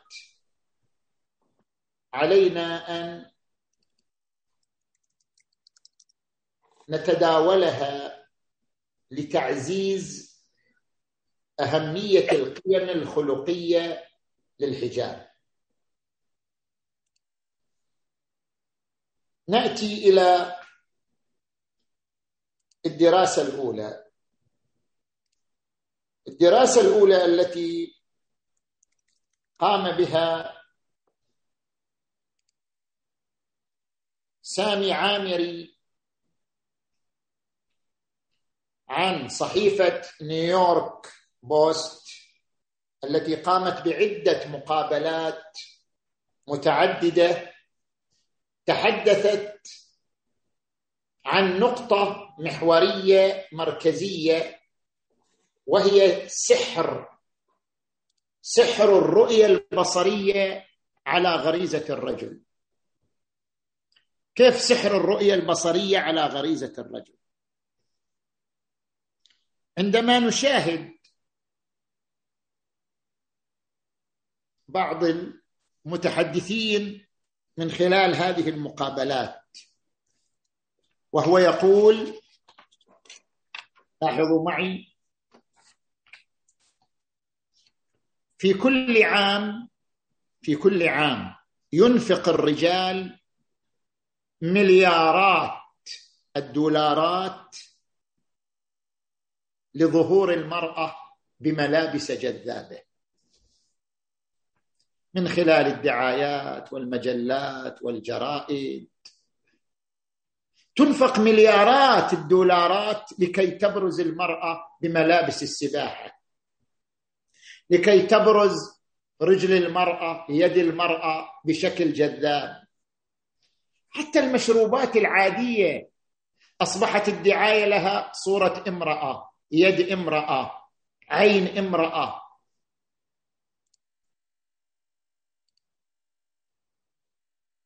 بينما لا ينفق النساء ولا ريال واحد لظهور الرجال بملابس سباحة مثلا. لماذا؟ لأن جسم الرجل في حد نفسه لا يغري المرأة ربما يغري بعض النساء بس نوع المرأة لا. بخلاف صورة المرأة. هناك تأثير سحري للرؤية البصرية على غريزة الرجل. على نظرة الرجل. بخلاف العكس بالنسبة إلى المرأة. ما هو السبب؟ هل السبب هو التربية الاجتماعية؟ التربية الاجتماعية لماذا تتخلف في بعض المجتمعات ولا تتخلف في مجتمعات أخرى؟ هناك سبب فطري. لا نقول أنه سبب تام لا يتخلف لكن فيه استعداد. الرجل يمتلك الاستعداد للتفاعل مع الرؤية البصرية لصورة المرأة أكثر بدرجات من هذا التأثير السحري على المرأة نفسها عندما ترى الرجل. ولذلك ترى أنه لو لو تعرض صورة امرأة عارية يشهدها عشرة آلاف رجل في آن واحد. ولو عرضت صورة رجل عاري يمكن. شاهد مثلا خمسين امرأة مئة امرأة. لماذا؟ الرؤية البصرية لهذه اللوحة الجميلة للمرأة تحرك غريزة الرجل وليس كذلك في المرأة. إثارة الغريزة لدى المرأة تحتاج إلى مقدمات كثيرة. بينما إثارة غريزة الرجل وتحريكها يكفي هذا المنظر الجميل الجذاب بالنسبة للرجل. هذا أمر فطري تكويني استعداد الرجل هكذا. وبالتالي أنت تجد دعايات دعايات فقط لرجل المرأة دعايات قدم المرأة. دعايات ساق المرأة. ليش؟ خلي رجل الرجل. لو جاءت دعاية في مجلة أو تلفزيون لرجل الرجل لاستقبحها الناس واعتبروها دعاية سخيفة ممجة. لماذا؟ لأن السحر البصري لجسم المرأة أضعاف أضعاف أضعاف السحر البصري لجسم الرجل على المرأة. وهذا يقول رجل هذا ينقل في إحدى المقابلات أن رجل يقول رأى امرأة بتنورة جميلة أنيقة وظل مدهوش طالع. بعدين اكتشف أنها دمية مو امرأة حقيقية. التأثير البصري لرؤية المرأة أكثر جذابية وفاعلية من التأثير البصري بصورة الرجل على المرأة. لا يمكن أن نغالط هذه الحقيقة.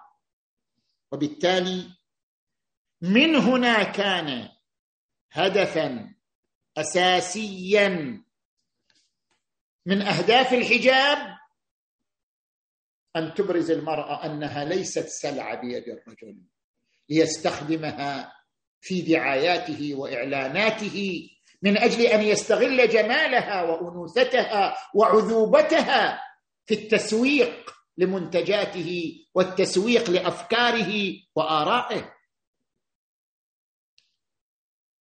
الدراسة الأخرى نحن لا نقول هذه دراسات مئة بالمئة ولكنها تكشف تكشف عن وجود استعدادات من هذا القبيل. دراسة أخرى. لاحظوا التحرش في الشرق والغرب.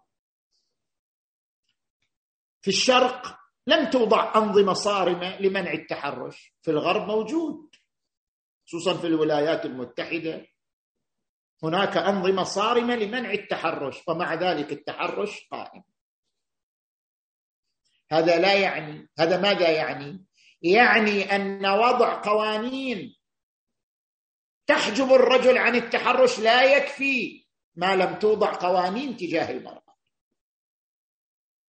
عندما تطرح قوانين أنه على الرجل أن لا يتحرش ولكن تأتي المرأة الجميلة بمكياجها وعطورها وأنوثتها وعذوبتها وتجلس مع الرجل على مقعد واحد في العمل في الوظيفة في الدراسة ويقال ممنوع الرجل يتحرش. أو ينظر أو يتعجب هذا لا يكفي لمنع الظاهرة ما لم توضع قوانين للمرأة بمظاهر الحجاب والاحتشام. الأمر الثالث الذي أذكره هنا أنه من أهداف الحجاب الأساسية أن تكون كفاءة المرأة بقدراتها السلوكية والعقلية لا بشكلها. عندما يفتح المجال لأن تبرز المرأة مفاتنها وشكلها بحيث تتميز هذه المرأة على تلك المرأة بشنو؟ أن هذه شكلها جذاب أكثر من تلك المرأة. أراد الدين أن يكون ميزان التمايز بين النساء ليس بالشكل ولا بالعنصر الجمالي وإنما ميزان التمايز بين النساء بالقدرات السلوكية والخبرة والمهارة في مجال العمل في مجال الإنتاج في مجال التنمية في مجال الفكر. لكي يكون التفاوت بين النساء كالتفاوت بين الرجال تماما. كما أن ميزان التفاوت بين الرجال ما هو؟ هو القدرة العقلية القدرة المهنية القدرة الإدارية وليس الشكل. كذلك يجب أن يكون ميزان التفاوت بين النساء هو قدراتهن الإبداعية وليس الشكل. من أهداف الحجاب أن ينحصر ميزان التفاوت بين النساء في القدرات كما هو ميزان التفاوت بين الرجال. لأجل ذلك يجب أن ننطلق في تربية فتياتنا وفي أطروحاتنا في مجالسنا في أسرنا في بيوتنا أن ننطلق من هذه الأهداف السامية والقيم الأخلاقية العالية التي هي وراء فلسفة الحجاب بحيث يكون الحجاب مظهرا لها.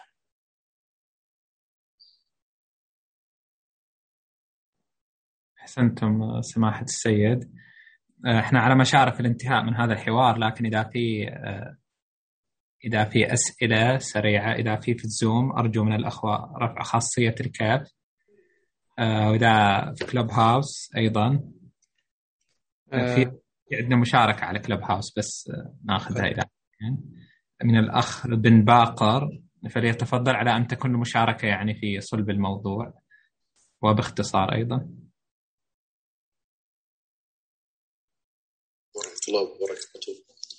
اولا انتهز الفرصة نسلم على سماحة السيد ونسأله الدعاء في هذا الشهر الفضيل وما توقع منه.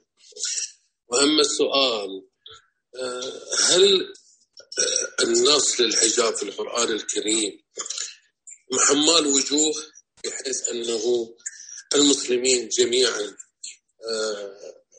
يشتبه عليهم أهمية الحجاب أو وجود الحجاب بشكل نص كالصلاة مثلا وغيرها من الواجبات التشريعية من رب العالمين ولا تنسون من الدعاء. أحسنتم. ونحن أيضا ندعو لكم بالتوفيق والتسديد ونسألكم الدعاء. النص القرآني كغيره من الواجبات. لاحظوا.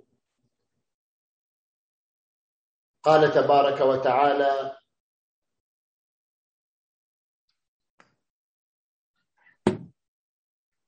في النهي عن شرب الخمر.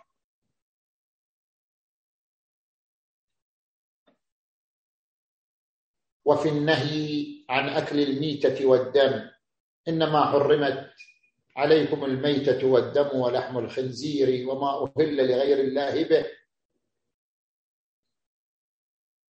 ومع ذلك مع أن القرآن نص على تحريم الميتة ونص على تحريم ما لم يذكر اسم الله عليه مع ذلك تأتي اجتهادات ويقولون لا ممكن أن يكون اللحم طيب طاهر. هذا لا يلغي أن الحرمة نص قرآني.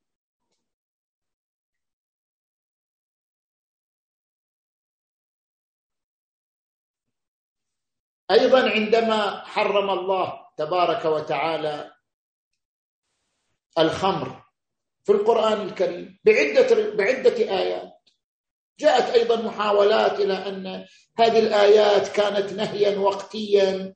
كان حتى لا يجي سكرانين إلى المسجد. ما كان. وهكذا. بطبيعة بعض الباحثين أن يحاول أن يفرض رؤية أخرى أو أن يطرح رؤية أخرى. لكن هذا لا يسلب دلالة النص القرآني الوضوح والظهور. كما قلنا وليضربن بخمرهن على جيوبهن واضحة الدلاله على ستر الرأس وأعلى السطر. ولا يبدين زينتهن إلا لبعولتهن. واضحة الدلالة على منع إظهار المرأة لزينتها إلا لمحارمها. اذا هناك آيات واضحة تبقى اختلافات بين الفقهاء. هل أن الحجاب من قصاص الشعر إلى طرف الذقن أو يمكن أن يخرج منه شيء من الأعلى أو يمكن أن يخرج الذقن أيضا تحت الذقن يخرج. ممكن. ممكن أن يختلف الفقهاء. ممكن أن يختلف الفقهاء في ظهور مثلا شيء من الذراع. ممكن. ولكن بالنتيجة المتفق عليه نص قرآني. وهذا هو ما يساعد عليه الفهم العربي كفهم سائر الآيات القرآنية. أحسنتم سماحة السيد بس أرجع إلى مهدي إذا في سؤال. في تفضل مهدي تفضل آه، أنا بس بختم بإشكال اخير يعني ورد من أمس بس طبعا آه، قبل ما أطرح الإشكال نعتذر من الأخوة اللي ما طرحنا أسئلتهم باعتبار أن بعضهم كرر إذا يراجعوا الحوارين السابقين السيد حفظ يعني وفصل في الإجابة عن الأسئلة هذه.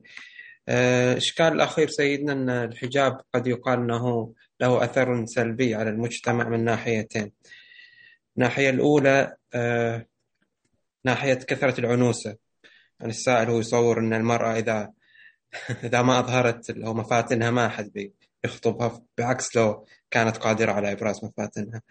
الناحية الأخرى إن يعني الحجاب كشكل قد يستغل سلبيا فالمرأة الفاسقة حسب تعبيره أو تقدر تخفي فسادها عن المجتمع من خلال الالتزام بهذه العفة الظاهرة المزيفة وما رأيكم؟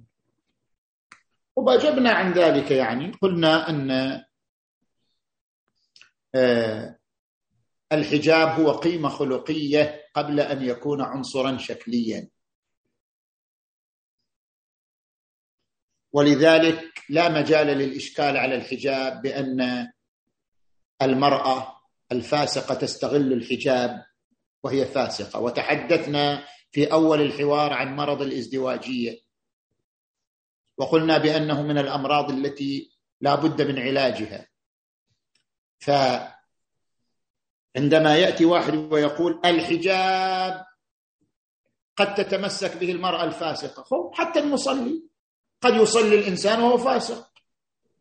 هل هذا يعني أن الصلاة ليست واجبة؟ من قارئ للقران والقرآن يلعنه.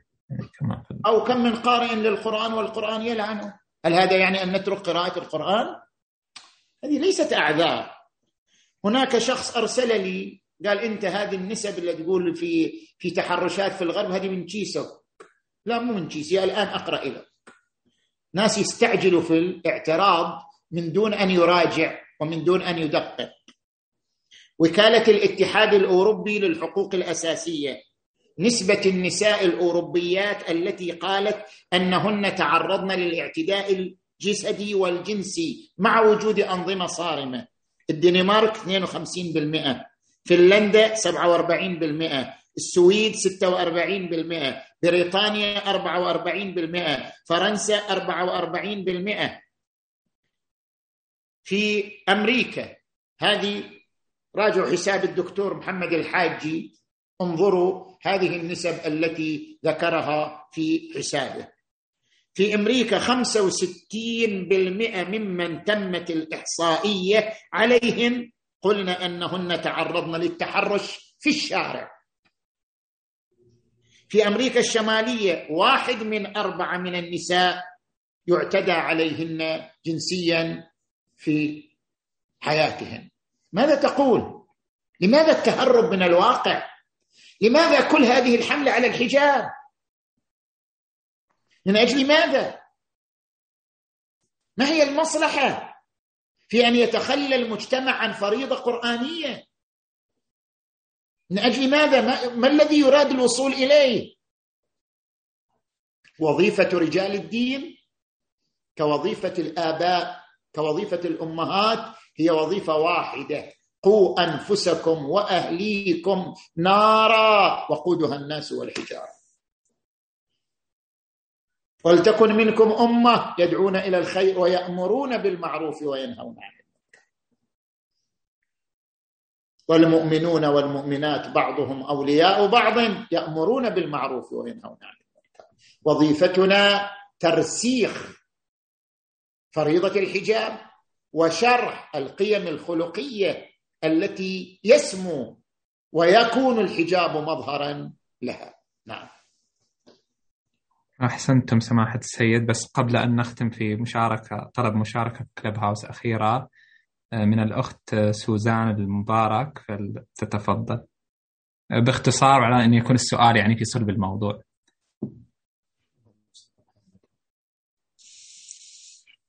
السلام عليكم. ألو؟ تفضلي سوزان. أشكركم على الحوار وأتمنى تعطيني وقت بس شوي. سيدنا إحنا مجتمع آه، إسلامي قبل الدول الثانية اللي بجيب المقارنة سريعة. لاحظت إن آه، المسلمات من ماليزيا وأندونيسيا وتركيا آه، مجتمعات منفتحه أي أكثر منا. بس ما شاء الله التزامهم لما في بلدهم أو برا أكثر من التزامهم بالحجاب التزامهم بالصلاة أكثر من آه، بناتنا للأسف. غير أن البنات اللي عايشين برا في أوروبا ولا أمريكا اللي أصولهم عربية بعضهم ما شاء الله مجاهدات مجاهدة. ما عليه حطت شوية خلينا نقول حطت شوية مكياج ولا ولا لبست ملون بس محجبة بالكامل ومحترمة وتغصب الرجال إنه يحترموها. إيش الغلط اللي صار في مجتمعنا؟ خلى الحرب هذه زي ما تقول الحرب ضد الحجاب. هل مثلا من من 10 من 15 سنة آه، نشأت فكرة احتقار أو تصغير لغير المحجبات خلتهم ينفروا ويحاربوا؟ يعني صارت صارت قصة أيام كنا في الرياض والهيئة موجودة وما حد يقدر يشيل حجابه وكذا. بس بنات آه الله ستر عليهم بس لبسهم ما كان آه ساتر. بس في إنسانة ملتزمة آه دكتورة هي الآن. دكتورة دراسات دينية جدا كانت تحترمهم. ما عاملتهم كويس ما نبذتهم. شهر غيروا لبسهم. هل مجتمعنا يعيش هل آه الشيء هذا؟ يمكن لا. هذا الشيء. الشيء الثاني أبغى أرد على الأخت اللي تقول أن الحجاب أو ستر المرأة شيء من من العادات آه، في المجتمع سواء مجتمعنا ولا المسيحي يعني دين الإسلام ولا المسيحية ولا اليهودية لا. هذا آه، رسالة سماوية. لما لما لما نسافر برا ولما عشت ودرست برا يخجل بنات بنات اليهود وهم صغار صغار يعني في ابتدائي التنورة تحت الركبة. ما في بنت تنورتها فوق الركبة. ولازم تكون لابسة جوراب طويل يغطي على آه، رجلها. أوكي عندهم عادات غلط إحنا نرفضها. إحنا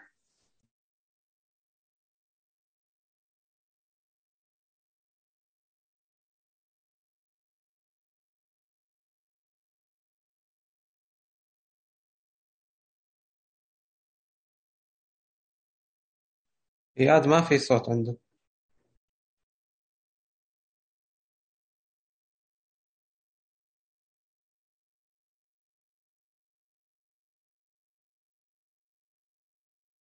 الصوت انقطع في الزوم عفوا.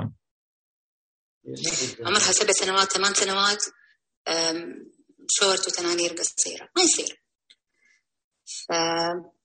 فأتمنى ترد على استفساري بالأخص المقارنة بين الدول الإسلامية ودولتنا. شكرا لك.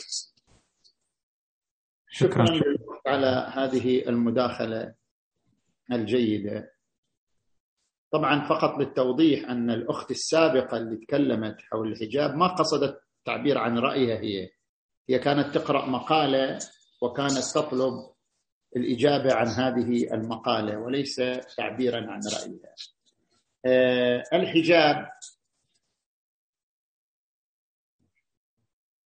الحجاب كما قلنا في مقام المقارنة بين مجتمعنا والمجتمع كما تفضلتم في إندونيسيا أو في ماليزيا أو في أماكن أخرى. ظاهرة الالتزام بالحجاب والفرائض بالذات ظاهرة أكثر رسوخا من الخليج الآن في هذه الفترة المعاصرة.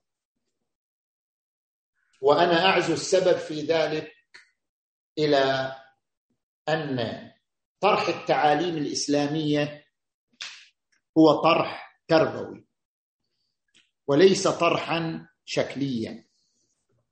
نحن نحتاج إلى الطرح الفقهي الذي يجعل أو يوضح الحدود في جميع الواجبات ولكن نحتاج مع الطرح الفقهي إلى الطرح التربوي إلى الطرح القيمي. نحتاج إلى أن نتحدث عن القيم والأخلاق التي تحف بأي واجب شرعي. عندما نتحدث عن الصلاة وواجبات الصلاة نتحدث عن القيمة الروحية للصلاة. عندما نتحدث عن آه، الصيام نتحدث عن القيمة الروحية للصيام. عندما نتحدث عن الزكاة نتحدث عن القيمة الاجتماعية للزكاة وهكذا. لابد أن يطعم ويمتزج الطرح الفقهي بالطرح التربوي حتى يكون طرحا فاعلا. جذابا في زماننا هذا لا يكفي الطرح الفقهي وحده هذا اولا. وثانيا الأسلوب الأسلوب مهم أسلوب الطرح مهم. لابد أن يكون الأسلوب اسلوبا جذابا اسلوبا يخاطب فتياتنا بلغتهم بثقافتهم. لابد أن تخاطب مجتمع المرأة أو مجتمع الفتاة بلغته بثقافته. لابد من الأساليب التي تخاطب شبابنا شاباتنا بالمعطيات العلمية بالمنجزات العلمية التي يفهمونها ويألفونها. حينئذ سيكون الطرح مؤثرا وفاعلا. ولهذا بالنسبة إلى البنت كما تفضلتم في المداخلة نحتاج البنت إلى أن نمشي معها شيئا فشيئا منذ سن السادسة والسابعة إلى أن تصبح بالنسبة إليها الواجبات امرا معتادا طبيعيا وبلغه جذابة وبجوائز. نعطيها جوائز نعطيها مشجعات نعطيها محفزات حتى تلتزم بهذه الواجبات من الصلاة والصوم والحجاب عندما تكمل سن أو تصل إلى سن البلوغ. نحتاج إلى أفلام قصيرة. إحنا ينقصنا في الإعلام الإسلامي الفيلم. الفيلم مؤثر. الأفلام القصيرة التي فيها مسرحية قصيرة حول أهمية الحجاب حول أهمية الصلاة حول أهمية كانت هناك ظاهرة موجودة في بعض مجتمعاتنا يعني في بعض المناطق سووا حفلات سن التكليف. عندما تصل مجموعة من الفتيات إلى سن التكليف تقام لهن آه، حفلة ويكرمن ويعطين جوائز ويشجعن على الالتزام بالواجبات. وهذه من الأساليب المهمة للتحفيز حول الالتزام بفريضة الحجاب. أحسنتم سماحة السيد بس سؤال أخير وصلني الحين من أحد إحدى الأخوات من الكويت آه، هل نحتاج أحيانا للطرح هل هل نحتاج أحيانا للطرح الترهيبي في حال تعذر الطرح التربوي الفقهي المقنع؟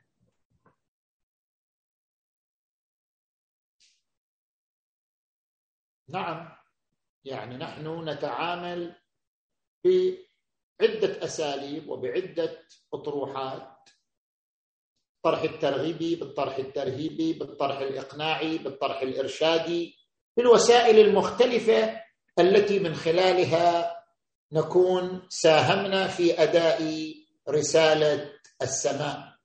كنتم خير أمة أخرجت للناس تأمرون بالمعروف وتنهون عن المنكر. أحسنتم سماحة السيد. يعني بهذا نصل إلى تقريبا خلاص ختام هذه الحوارية. طبعا أنوه للأخوة الأعزاء إلى أننا في هذا الشهر الكريم كان لدينا تقريبا ست حواريات وهذه السادسة. يعني الأخوة إذا يريدوا يرجعوا للحوار الحوارات المتقدمة باستزادة كان الحوار الأول حول هل ينسجم الدين في حياتنا هل ينسجم الدين مع حياتنا المعاصرة؟ الحوار الثاني كان هل ينهار النظام الأخلاقي لو رفع الدين؟ والحوار الثالث كان هل مات الدين في عصر التكنولوجيا والعولمة؟ وحواراتنا الثلاثة الأخيرة كانت حول الحجاب هو تقييد لحرية المرأة أو ضرورة اجتماعية. آه، طبعا نحن إحنا راح آه، نعمل أو نحاول أن نعمل على استبيان آه، ونرسله ونشاركه. على منصات وشبكات المنير لتقييم هذه الحوارات ونوعية الموضوعات وأسلوب الطرح حتى نرتقي بمستوى الحوارات في المواسم القادمة وفي الفعاليات القادمة إن شاء الله. سماحة السيد هل لديكم كلمة أخيرة قبل الختام؟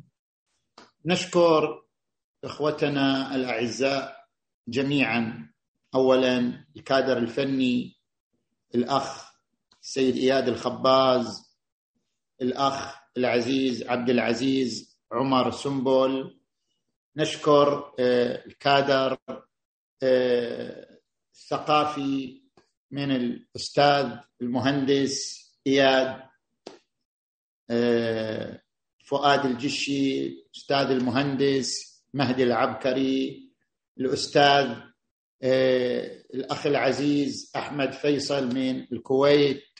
ونشكر مجموعة من الإخوة الذين شاركوا في المداخلات.